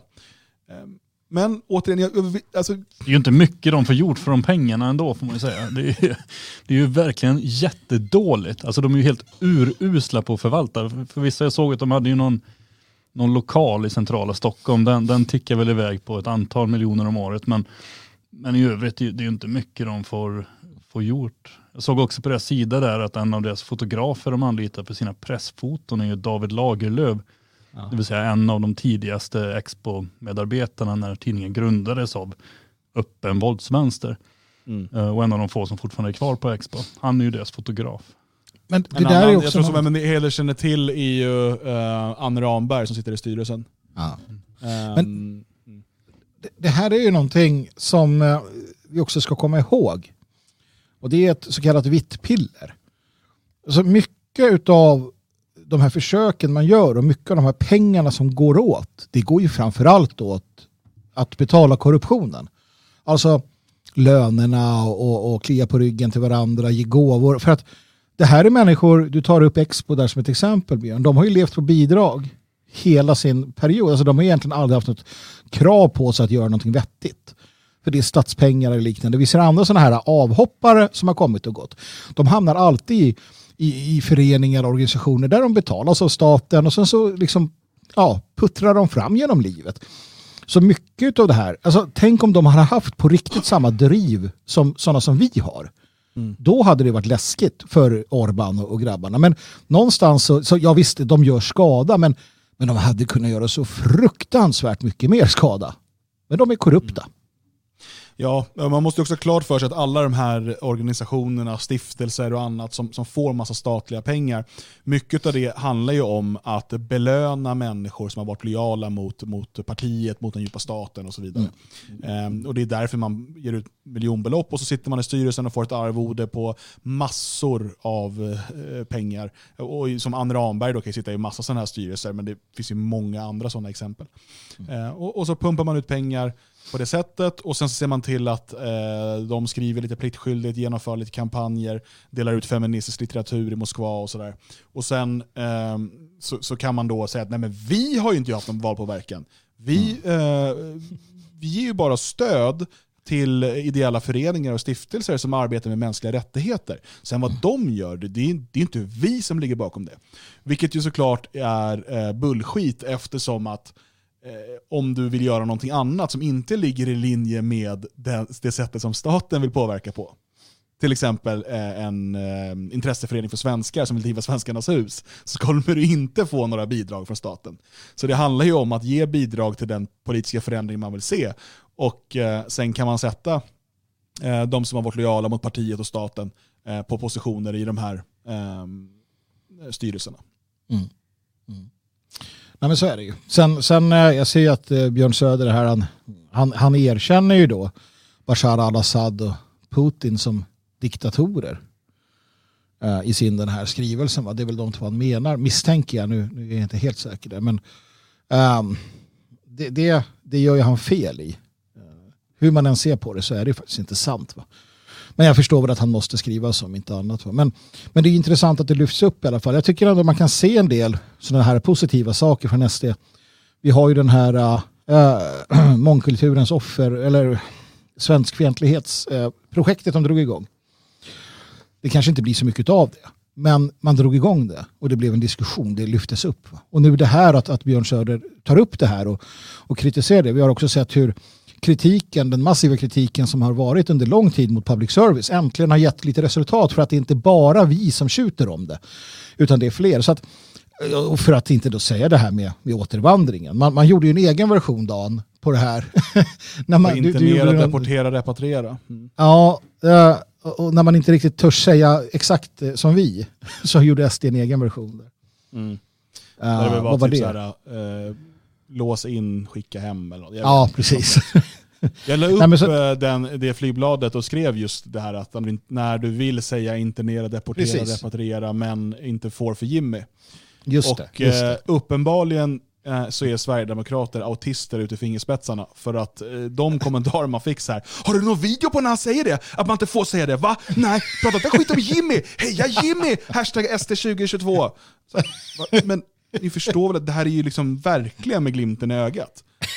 Och liksom, det är massa Sverigedemokrater, jag har öppen eh, inkorg, så vem som helst skickar privatmeddelande till mig på Twitter. Ja. Det hade varit ett misstag nu när Sverigedemokraterna, deras, deras hatsvans på nätet drog igång. Jävlar vad jag... Du fattar ingenting! Hör du nu, varför snackar du skit om Jimmy? Att du orkar. Uh, just, just, men det är det, alltså just SDs svans, det är ju den, den vill man inte få efter sig. Alltså. Nej, den är fruktansvärt jobbig. Den. Hellre det än Federleys svans tror jag. Ja, det, ja vi oh. pratar, okej. Okay, ja, mm. ja, svans, men, ja, alltså, ja, tyska, tyska där. Tyska som förstår ja, det vill man inte ha efter sig. Så ja, uh, nu har vi varit där och besökt också. Uh, ska du säga den här, uh, någon gång ska jag berätta historien om när Dan tvingade med mig på berlinsk rundvandring för att visa en labyrint. Jag säger inte mer än så Dan. Uh, Gaylabyrinten? Europas största gaylabyrint. Ja. jag tror vi har pratat om det i tidigare avsnitt. Ja, vi undrar fortfarande vad det var. Vi, vi kom ju aldrig längre än att vi såg det. Tillbaka till Bashar al-Assad, Vladimir Putin, George Soros. Där är fortfarande ordning. Nej men vad kommer det leda till då, den här skrivelsen tror ni mina Ingenting. Vänner? Ingenting. Um, det finns inget, finns inget stöd i, i riksdagen idag för att stoppa det här. Och det är ju inte så att de här utbetalningarna var annorlunda under alliansen eller sådär, utan man kommer fortsätta pumpa de här organisationerna fulla med pengar. Och vi får hoppas att du har rätt Magnus, att det fortsätter vara så att de här är tillräckligt inkompetenta och saknar eh, gnistan och idealismen som behövs för att faktiskt kunna omsätta de här pengarna till, till någonting större. Det är klart att de lyckas med vissa saker, men jag menar med den budget de har, så om man jämför det med det fria Sverige. Eh, jag, menar, ja. ja. jag säger så här också. ANC, African National Congress. Ja. Det är ingenting nytt det här som sker. Uh, att vi finansierar, i det fallet var det terrorister, svarta marxistiska terrorister som mördade människor. Uh, som länge stod på, på västvärldens lista, eh, uh, USAs framförallt, då, över terroristorganisationer, ANC, Sydafrika. Uh, det, det stöttade Sverige, dels genom socialdemokratiska skattepengar och statens skattepengar. Vi har stöttat andra sådana. Vänsterpartiet ger pengar till marxistiska grillarrörelser, pengar som kommer från till, till deras parti i form av partistöd. vi har en lång tradition i Sverige av att stötta framförallt vänstergrillor um, som gör mer än att sätta grillor i huvudet på folk. Ja. Griller. Jo, jag förstår. Jo, nej, men så är det ju. så är det ju absolut. Eh, och det kommer ju fortsätta, eh, precis som Magnus säger. Men eh, det enda nya är ju att det diskuteras, att det skrivs en sån här, ehm, är det en motion? Eh, en skriftlig fråga är det än så länge till utrikesministern. Så att, att det skrivs en skriftlig fråga. Eh, det är nytt. Eh, sånt har inte hänt förut och det är ändå, får man säga, tack vare Sverigedemokraternas eh, intåg i riksdagen. Så, vi är ofta väldigt skeptiska till väldigt mycket Sverigedemokraterna gör och det är också lite grann för att de kommer från samma värld som vi gör och då blir man lätt mer besviken på när de säger någonting som man mer förväntar sig från Miljöpartiet. Men det ska också lyftas fram när de gör någonting bra och det här är bra att de lyfter det och jag tycker att Björn Söder på många sätt har gjort många positiva saker sedan han tycks ha blivit utstött ur de fyras gäng. Eh, sen finns det ju negativa saker att säga också, men mm. inte så mycket i den här eh, vad heter det? skrivna grejen. Skrivna, skrivna frågor. Eh, precis, och vi får ju vänta då på att uh, utrikesminister Ann Linde ska besvara detta också med ett, ett så kallat uh, skriftligt svar. Um, och så får vi se vad hon säger. Men det kommer vara någonting med att eh, det är en organisation med lång erfarenhet eh, som arbetar för mänskliga rättigheter och bla bla bla. Vi vill inte detaljstyra utan ja, något sånt. Det lyftes ju fram lite grann på Twitter att han hade gjort det här och då, då sågs det ju lite grann som att Björn Söder försöker tysta eh, den här organisationen.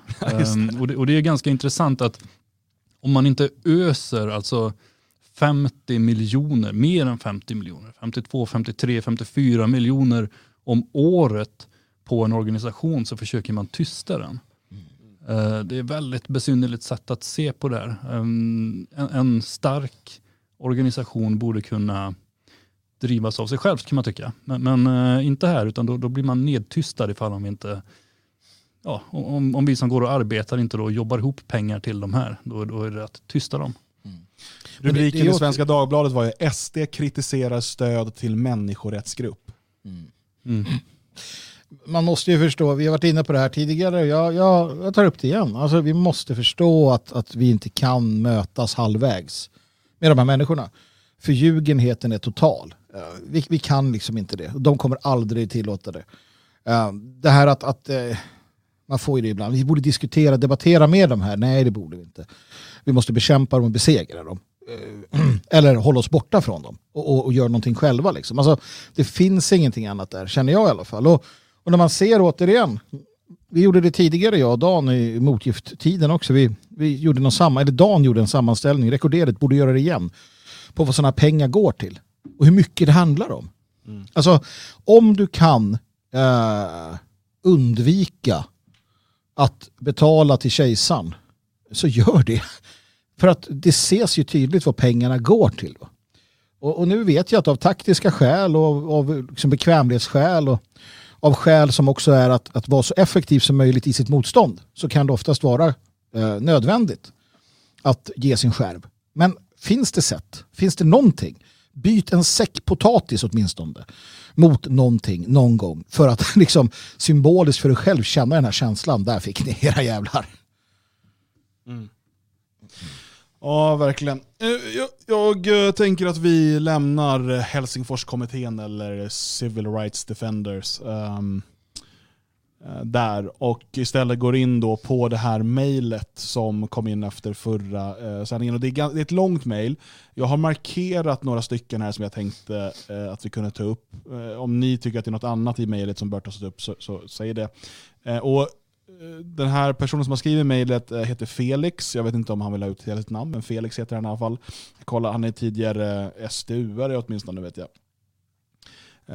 Och han, är inte han är inte här och kan försvara sig, som man brukar säga. Eh, så att, kanske någon gång kan ta liksom en diskussion om det, det skulle vara lite mer givande. För att när jag läser mejlet så inser jag att dels är det en hel del halmgubbar eh, och dels eh, är det en hel del som missförstånd. Men jag har fått lära mig att när folk inte förstår vad jag eller vi menar så ska jag inte bli arg på dem utan ta det som att jag måste förklara bättre. Mm. Det, det är hos mig felet ligger här. Så jag ska försöka vara så pedagogiskt och tydligt som möjligt. Eh, men jag börjar läsa ett stycke här eh, som är ett, ett påstående eh, snarare än en fråga. Då, eh, så kan vi resonera kring det.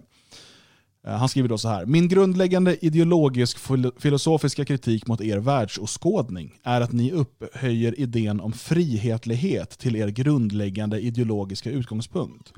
Jag förstår att er definition av frihet är en helt annan än den liberala definitionen av frihet.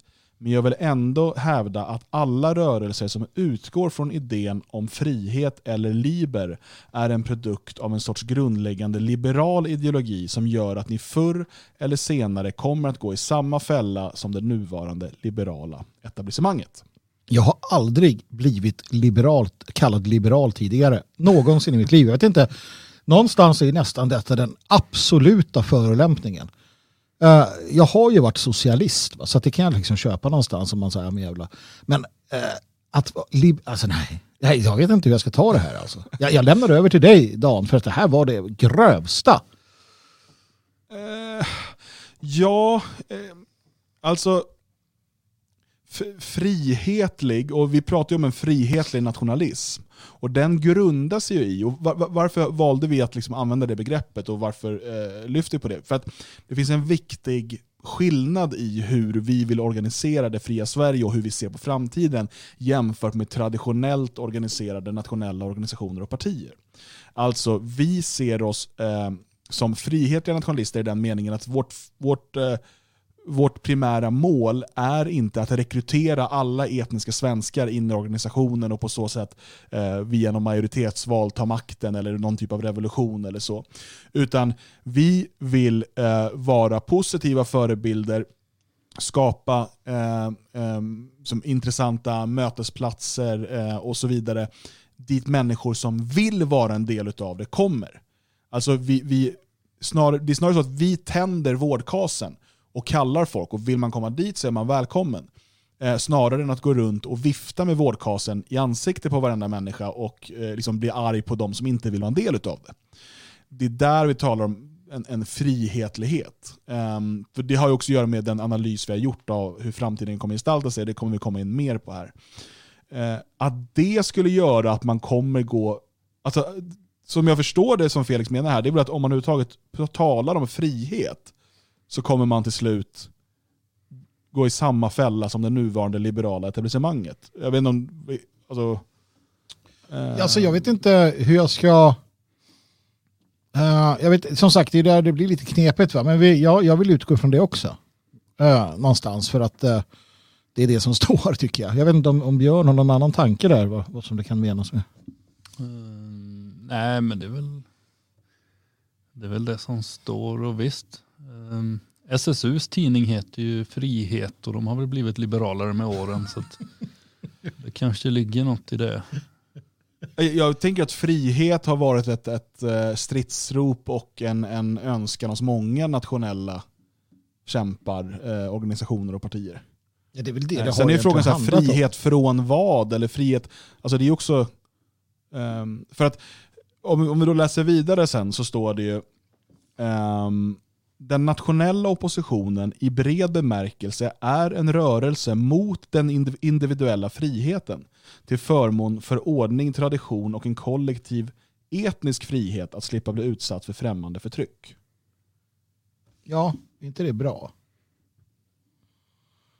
För den friheten står jag nämligen bakom till 100% och den leder inte till uh, den leder inte till att gå i samma fälla som... För att jag vet inte om man... Fast det menar ju inte han heller.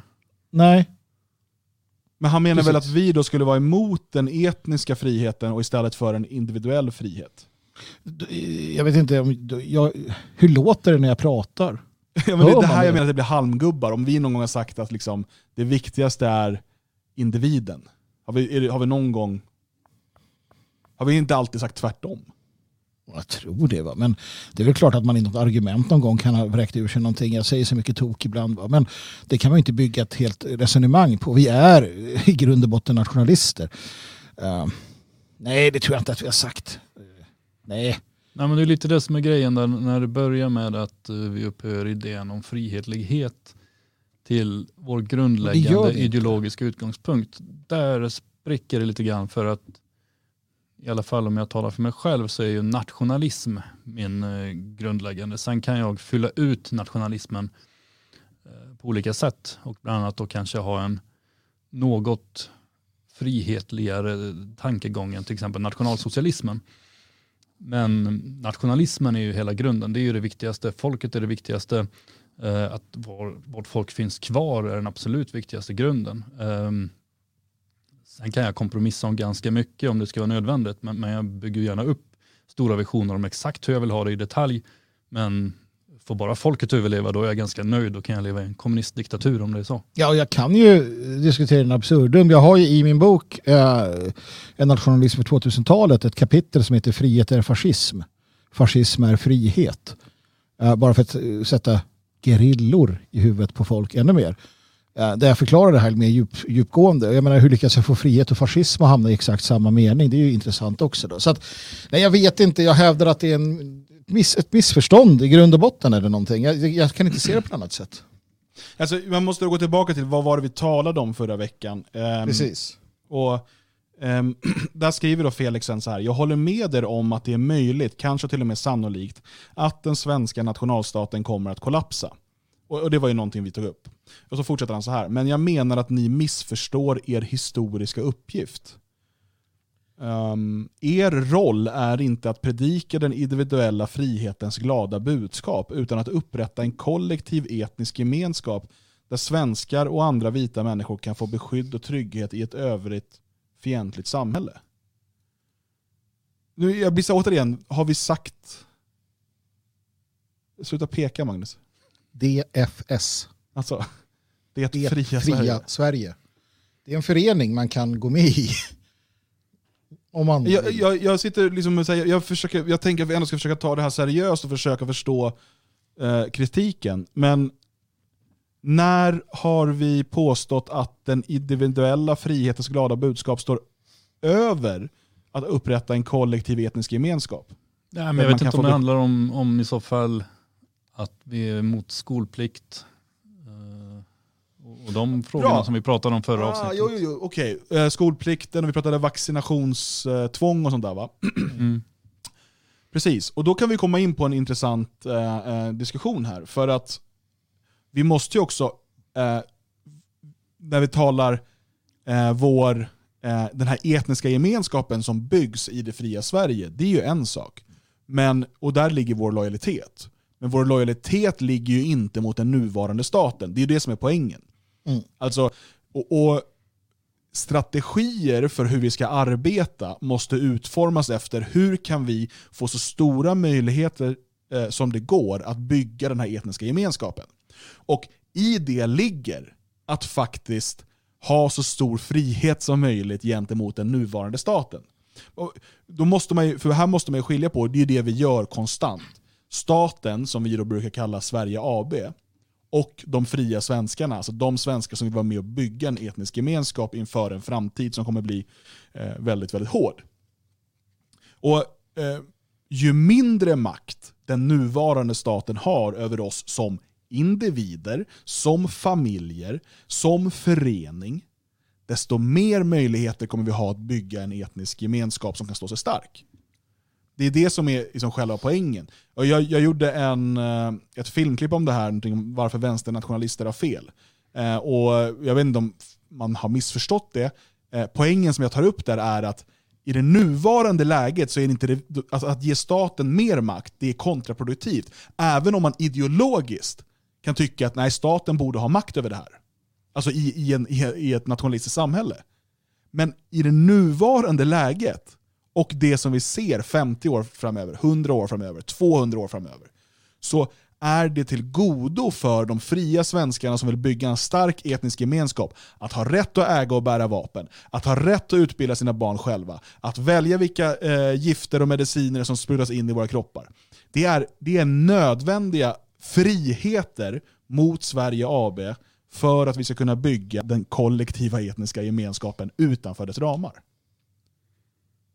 Jo, fast jag Är jag tycker att tydlig? det är ganska nödvändiga friheter även i ett fritt nationalistiskt samhälle. Ja, alltså sen kan man säga vilka ideologiska saker man står därutöver, men jag tycker man måste skilja på dessa två saker. Alltså, jo men eh, absolut. Det, men, men tar man till exempel skatter så finns det ju en poäng att betala skatt i ett fungerande samhälle där man betalar till någonting bra. Eh, Jag är ju inte emot skatter som sådana, men jag är väldigt, eh, det gör ont i mig varje gång jag betalar skatt till det här samhället. Jag avskyr att betala skatter oavsett vad det sägs gå till eller vad det är för någonting. Eh, men den känslan skulle jag ju inte ha i ett samhälle jag hade tyckt om. Ja, men jag, jag, fick, eh, jag, tror jag, jag tror jag gjorde en utläggning om det här senast häromdagen när jag blev intervjuad faktiskt.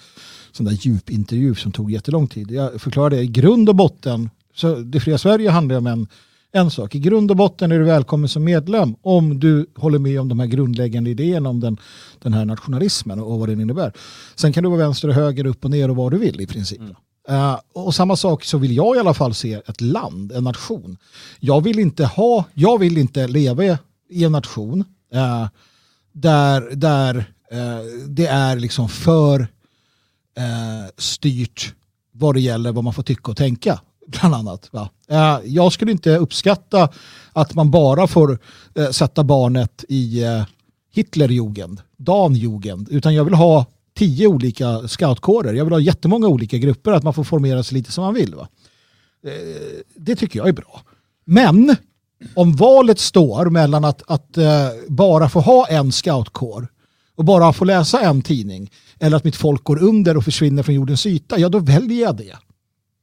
Uh, hellre, för att egenvärdet av att mitt, mitt folk, min familj, eh, mina närmaste lever eh, eh, över tid är viktigare och jag vet att samhällen kan förändras också. Men döden, rasens död, den är evig. Och jag förstår inte vad problemet är. Och det är ta mig fan inget liberalt glatt budskap. Och, och ka- säg aldrig att jag predikar ett glatt budskap, någonsin. Liberal är en sak, men glad är jag. där, där, var, där var gränsen, passerades med råge. Jag- Det här är problem. Alltså, kanske kan vi ha med Felix i nästa avsnitt eller någonting och liksom diskutera det här, för att jag undrar vad det är vi har, eh, vad är vi har sagt här. För att det är som att eh, kritiken och invändningar som jag läser, när jag fortsätter läsa nu, eh, känns som att det inte bara halmgubbar, liksom motsatsen till vad vi har sagt. Jag, vet inte, jag tycker nästan att du, Dan, kan bjuda in här. Jag vill inte vara med eh, och prata om det här. Men du kan göra det. Jag tycker att det skulle vara intressant. Ja, Jag tror inte att tre mot en är särskilt schysst heller. Nej, så här, jag, försöker, jag ville förstå, jag sa vi vill jättegärna ha kritik, om du tycker annorlunda mot vad vi sa Eh, liksom i förra avsnittet. Så, för det, det som var poängen var ju eh, att vår, vår huvudsakliga uppgift är att bygga en struktur utanför staten, som är oberoende av staten. Eftersom att den nuvarande staten kommer fortsätta falla samman, vilket jag eh, tycker att Felix verkade hålla med om här. Eh, och att vi därför inte ska fokusera på att hålla liv i eh, de institutioner som vi rent demografiskt snart inte ens har chans att ehm, förändra. Eh, utan att bygga upp vårt eget och, och, så att vi är beredda att ta över ehm, eh, liksom, funktioner och så vidare när, när staten drar sig undan, vilket den kommer göra bit för bit och redan gör idag. Eh, för att det han skriver sen är då att när nationalstaten slutligen kollapsar kommer den förmodligen inte att ersättas av olika frihetliga strukturer utan av ministater som som skedde i Jugoslavien, inte minst i Bosnien-Hercegovina där det uppstod utbrytarrepubliker i utbrytarrepubliken. inte det här exakt vad vi säger? Jo, det är det. Eh, sen kan jag ha sagt att jag tror att, att, eh, att vissa av de här kanske är snarare företag. Alltså Google, eh, Google City med Google Army och så vidare. Alltså, Ja, men, men jo, ja, det kommer vara ministad. Jo, precis. Det, det, det är liksom hela, hela, precis, och jag tror vi skriver om det här i visionsskriften, vi har talat om Oh det massor oh ja. av gånger, vad, vad som händer när staten um, vittrar sönder inifrån, drar sig Mm. undan från, fram, i början då landsbygden och så vidare. Eh, just att, och vi pratar om hur eh, utlänningarna idag organiserar, vi pratar om klanstrukturer, allt det här som redan finns på plats. Mm. Och att vi svenskar behöver organisera oss och inse att den nuvarande staten inte är där för att organisera oss som folk. Det är ingen nationalstat längre. Eh, utan att vi behöver skapa vår egen struktur eh, inom eller vid sidan av eh, den nuvarande strukturen och göra oss så oberoende av den som möjligt. Och för att kunna som, ja, jag- det ja, Nej, men så, så här. ja. Jag vill bara säga det. Eh, eh, Det är precis det här vi har sagt. Men alltså inte ens, alltså inte ens det jag har hört från eh, typ Radio Bubbla eller, eller Mises eller sådana här libertarianer. Ingen av dem tror ju, i alla fall vad jag har kunnat uppfatta, att, att kollapsen kommer, nationalstaten kollapsar och frihetliga samhällen dyker upp. De säger att vi vill ha det för att de är sådana. De är libertarianer. Eh, vi säger att det kommer bli krigsherrar här, det kommer vara ett mc-gäng där, det kommer vara ett muslimgäng där, det kommer vara någonting annat där eh, som kommer liksom fylla tomrummet när centralmakten drar sig tillbaka, precis som vi har sett runt om i världen vid de tillfällen det sker. Och det vi säger att, att du, du måste välja själv, kära eh, lyssnare och tittare, vilka ska ta över där du bor.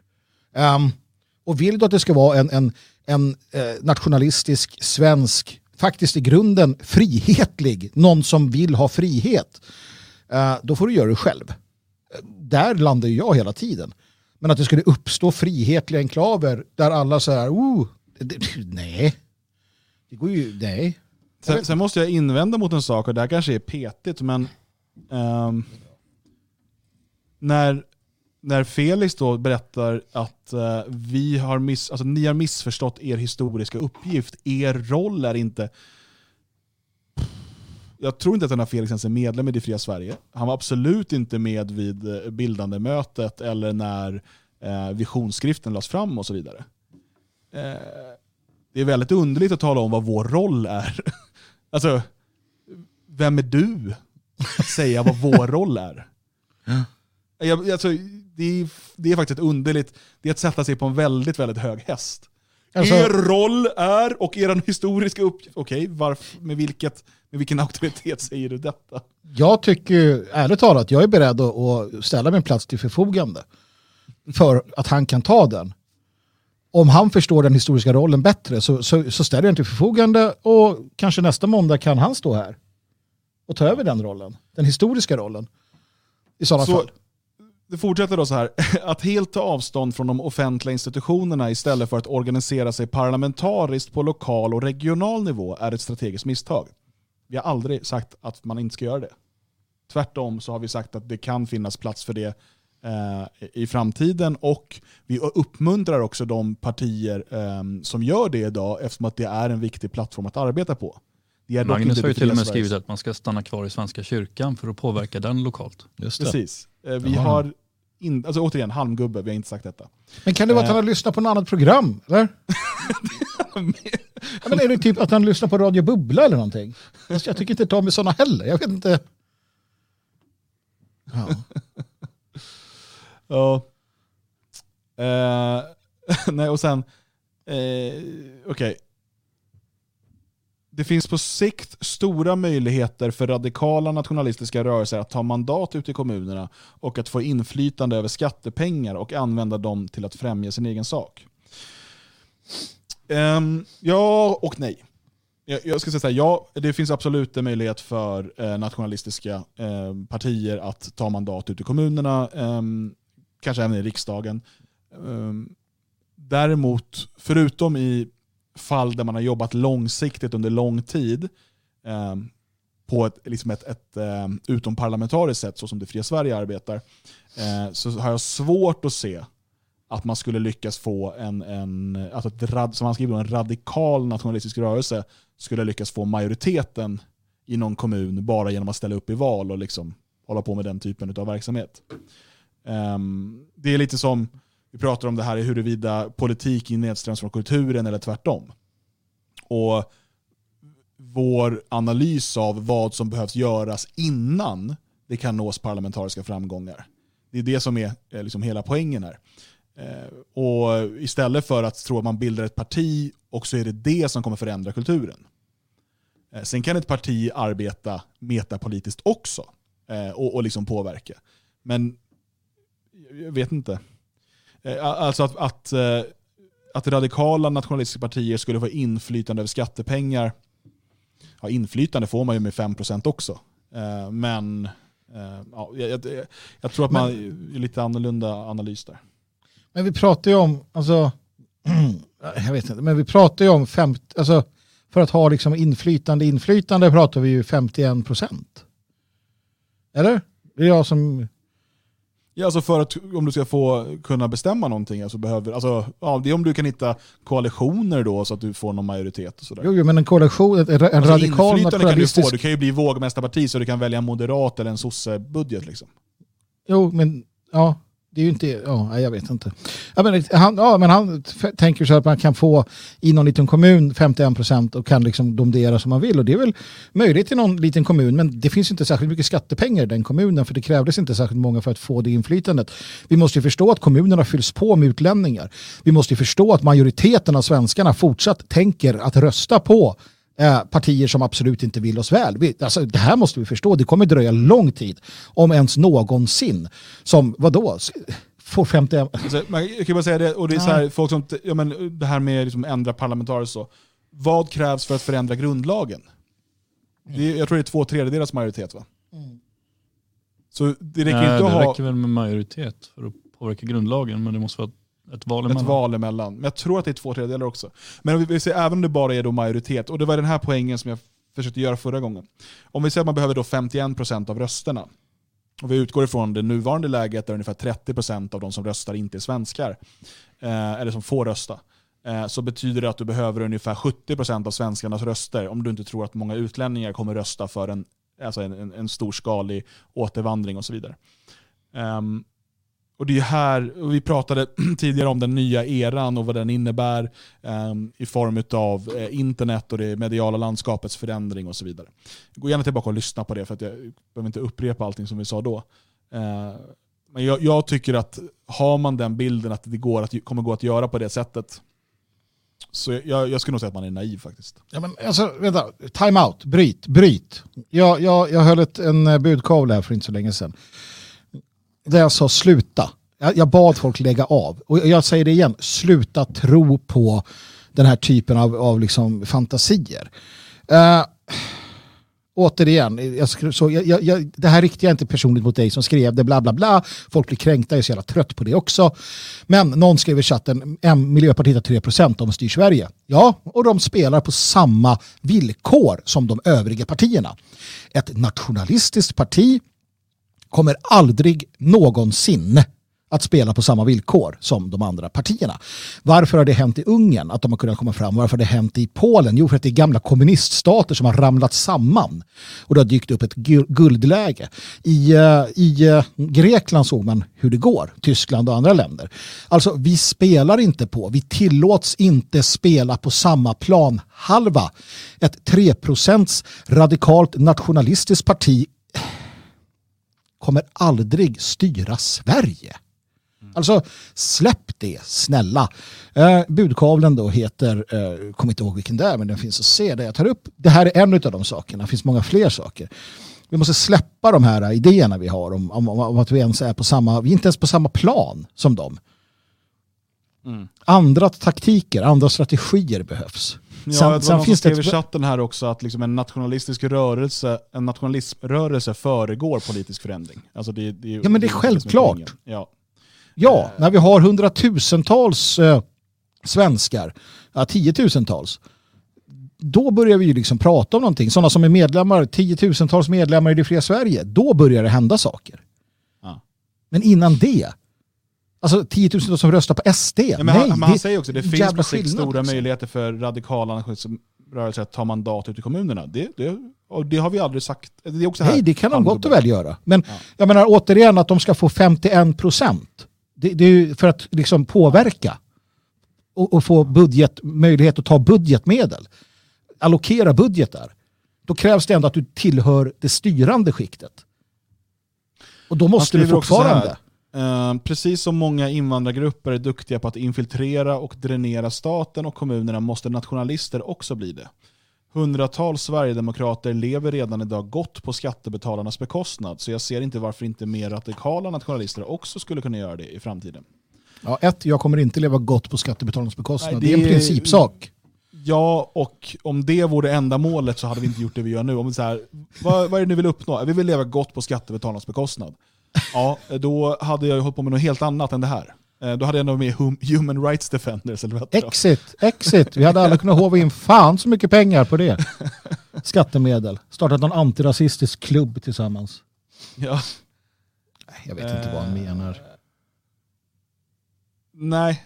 Eh, ja. Och sen, ehm, det här då som kanske kan diskutera lite grann. Slutligen måste jag tyvärr rikta mycket skarp kritik mot er retorik mot Sverigevänner och andra mindre radikala nationalister och invandringskritiker. Den stora gruppen av Sverigevänner är det hav där ni måste fiska nya anhängare om ni vill växa er stora och starka. Och att konstant förolämpa och förnedra era potentiella framtida anhängare är ett strategiskt misstag av enorma proportioner. Förolämpa grupper, politiker och opinionsbildare som ni ser som skadliga för vår sak, men förolämpa inte de människor som förvisso har dåliga kunskaper om politik och ideologi, eh, som, men, men som ändå har hjärtat på det rätta stället. Jag förolämpar vem fan jag vill tänkte jag säga. Men, Nej, då, men- då tänker jag så här, vem, vem är det vi har till exempel gått på lite hårt här senaste veckorna? Katarina Janouch. Ja, hon vart, eh, hon vart Här har vi ju då en gången. superliberal, vilket ju verkar vara Felix som man inte gillar. Och det är det vi kritiserar henne för. Alltså värdeliberal. Mm. Vi har, och Så- andra kontrajihadister som, liksom, som är emot islam bara för att det, de i, liksom inte vill vara eh, som sexuellt frigjorda eh, hedonister. Eh, och det, alltså- det är det som vi, alltså, då blir det så här, du kan inte säga det ena och sen säga det andra. Alltså- Så ni får absolut inte vara för eh, värdeliberalism, vilket han tar upp, eh, och vilket vi inte är. Eh, men vi får heller inte kritisera de som är det, för att vi ska fiska i detta hav. Ja, men nu, nu, nu, nu är det ju så här då. Eh, vi vill bli stora och starka, definitivt. Det fria Sverige vill bli det. Men vi vill inte bli det genom att kompromissa med grundläggande saker. Det är det. Det är där vi hamnar. Va? Och nu, nu har vi hållit på här ett tag. Här. Och, ja, vi organiserar, har, har plus 2000 lösta medlemskap. Det skickas ut nya hela tiden. Uppenbarligen så är det ju inte så att vi tappar. Uppenbarligen så är det inte så att vi har liksom gjort det här, den här katastrofen. Det är möjligt att då Felix ser någonting i framtiden som kommer hända där alla hoppar av och lämnar oss och, och gör något annat. Det, det, det, jag, jag vet inte. Um, jag kan bara gå efter de siffror jag ser. Va? Och de är ju direkt knutna till det arbete vi gör. Ja, men jag vill inte bli eh, en miljon man stark om det innebär att jag måste eh, kompromissa med de mest grundläggande principerna som nationalismen företräder. Jag tänker inte bli liberal. Jag tänker inte bli countryjihadist. Eh, jag tänker inte bli hbtq-vurmande. Jag tänker inte göra något av det här. Bara för att vi ska ha jättemånga eh, Sverigevänner som vill ha ungefär som det är nu fast med färre muslimer. Nej, jag vill inte det. Jag vill prata ras. Jag vill prata vikten av att bevara våra folk, de europeiska folken. Jag vill kunna säga att George Soros är en ungersk jude. Och att det är ett problem i, i, i, eh, det- med den, den judiska maktrörelsen. Jag vill kunna säga sådana saker. Och, och kan jag inte det, ja men då kan jag ju gå med i SD då för fan. Alltså, v- vad är tanken här? Men eftersom jag inte har förstått min historiska roll och nu låter jag mer sur än vad jag egentligen är, ärligt talat.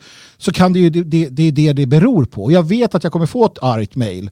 Eh, men som sagt, eh, Dan Eriksson tar debatten med dig, Felix. Eh, eh, så är det ju. Och det kan bli en, en intressant podd att lyssna på. Men jag vet inte, jag tycker... Jag, jag började det här med att nu skulle jag vara seriös och, och så vi skulle svara. Nu är jag mest bara så här, vad fan, lägg av. Men, men kan det Och då vara har så du ändå läst det här tidigare. Ja, Så det- precis. Ja.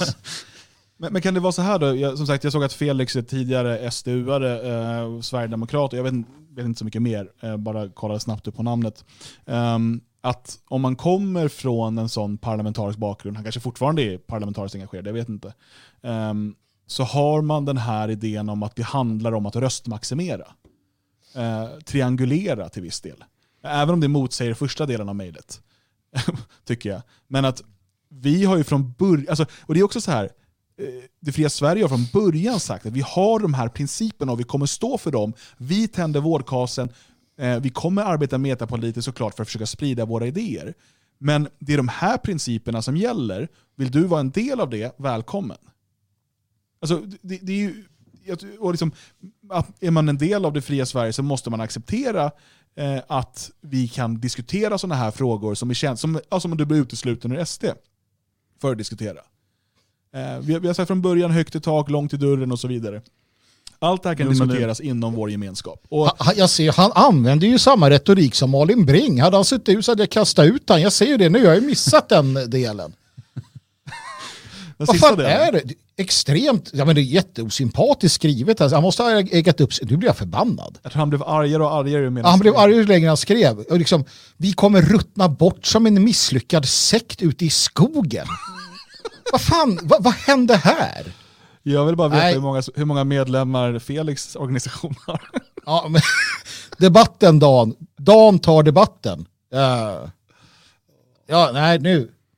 Nej, men alltså, jag, jag, försöker, nej. men jag försöker ändå förstå vad är kritiken och därför kunna besvara det. Men jag inser ju nu att när vi går igenom det här så fattar jag inte ens vad kritiken är.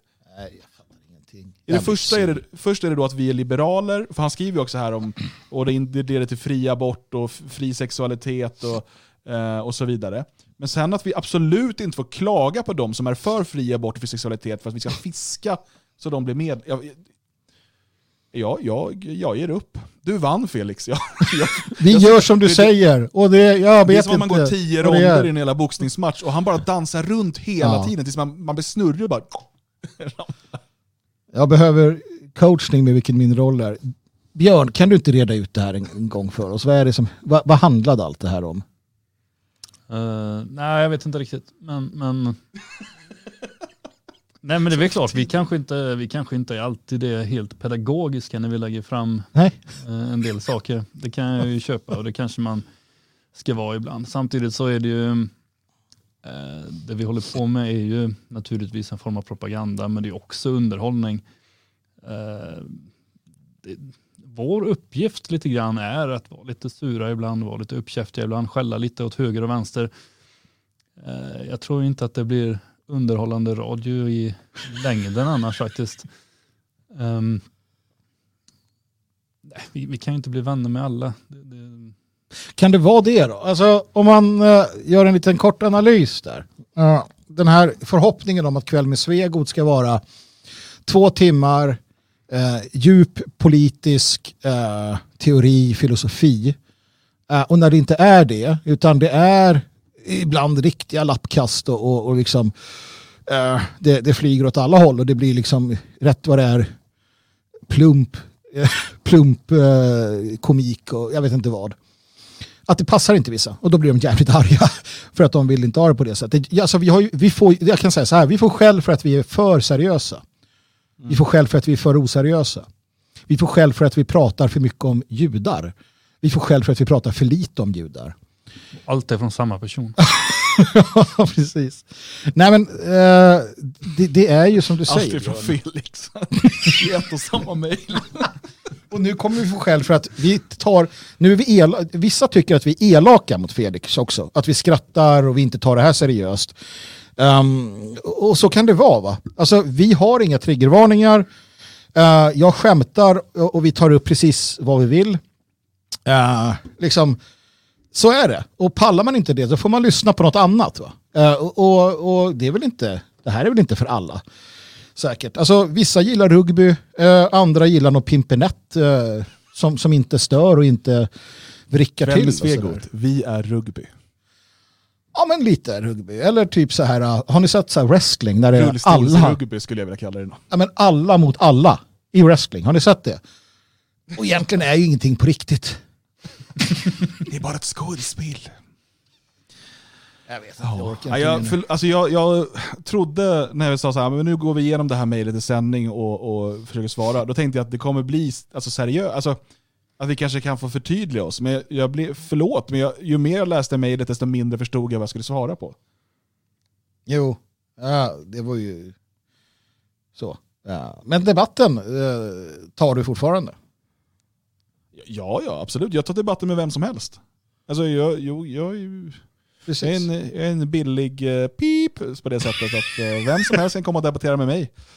Det- Vi fick den bästa kommentaren någonsin. Det här, Daniel, eh, Daniel YouTube, den här kommentaren är den bästa jag har fått i hela mitt vuxna liv som jag har sänt radio. Han skriver, ni är Hulk Hogan. eh, jag- Tack Hulk så Hogan hemskt mycket.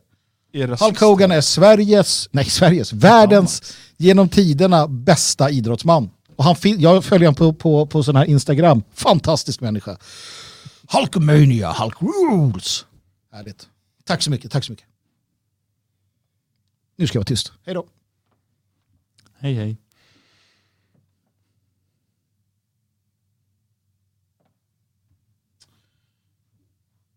Ja. Blev eh, Dan eh, frös där? Jag vet inte, är det vi eller är det Dan som är kvar? Det här har jag aldrig fattat när det här händer och någon försvinner. Är det vi eller Dan som är borta? Eh, vi ska ta reda på det här nu. Ja, det är Dan som är borta. Det är du och jag Björn. Härligt. Eh, det uh, brukar betyda att Dan dyker upp snart igen. Men det kan också sluta med att vi måste genomföra de här sista minuterna själva.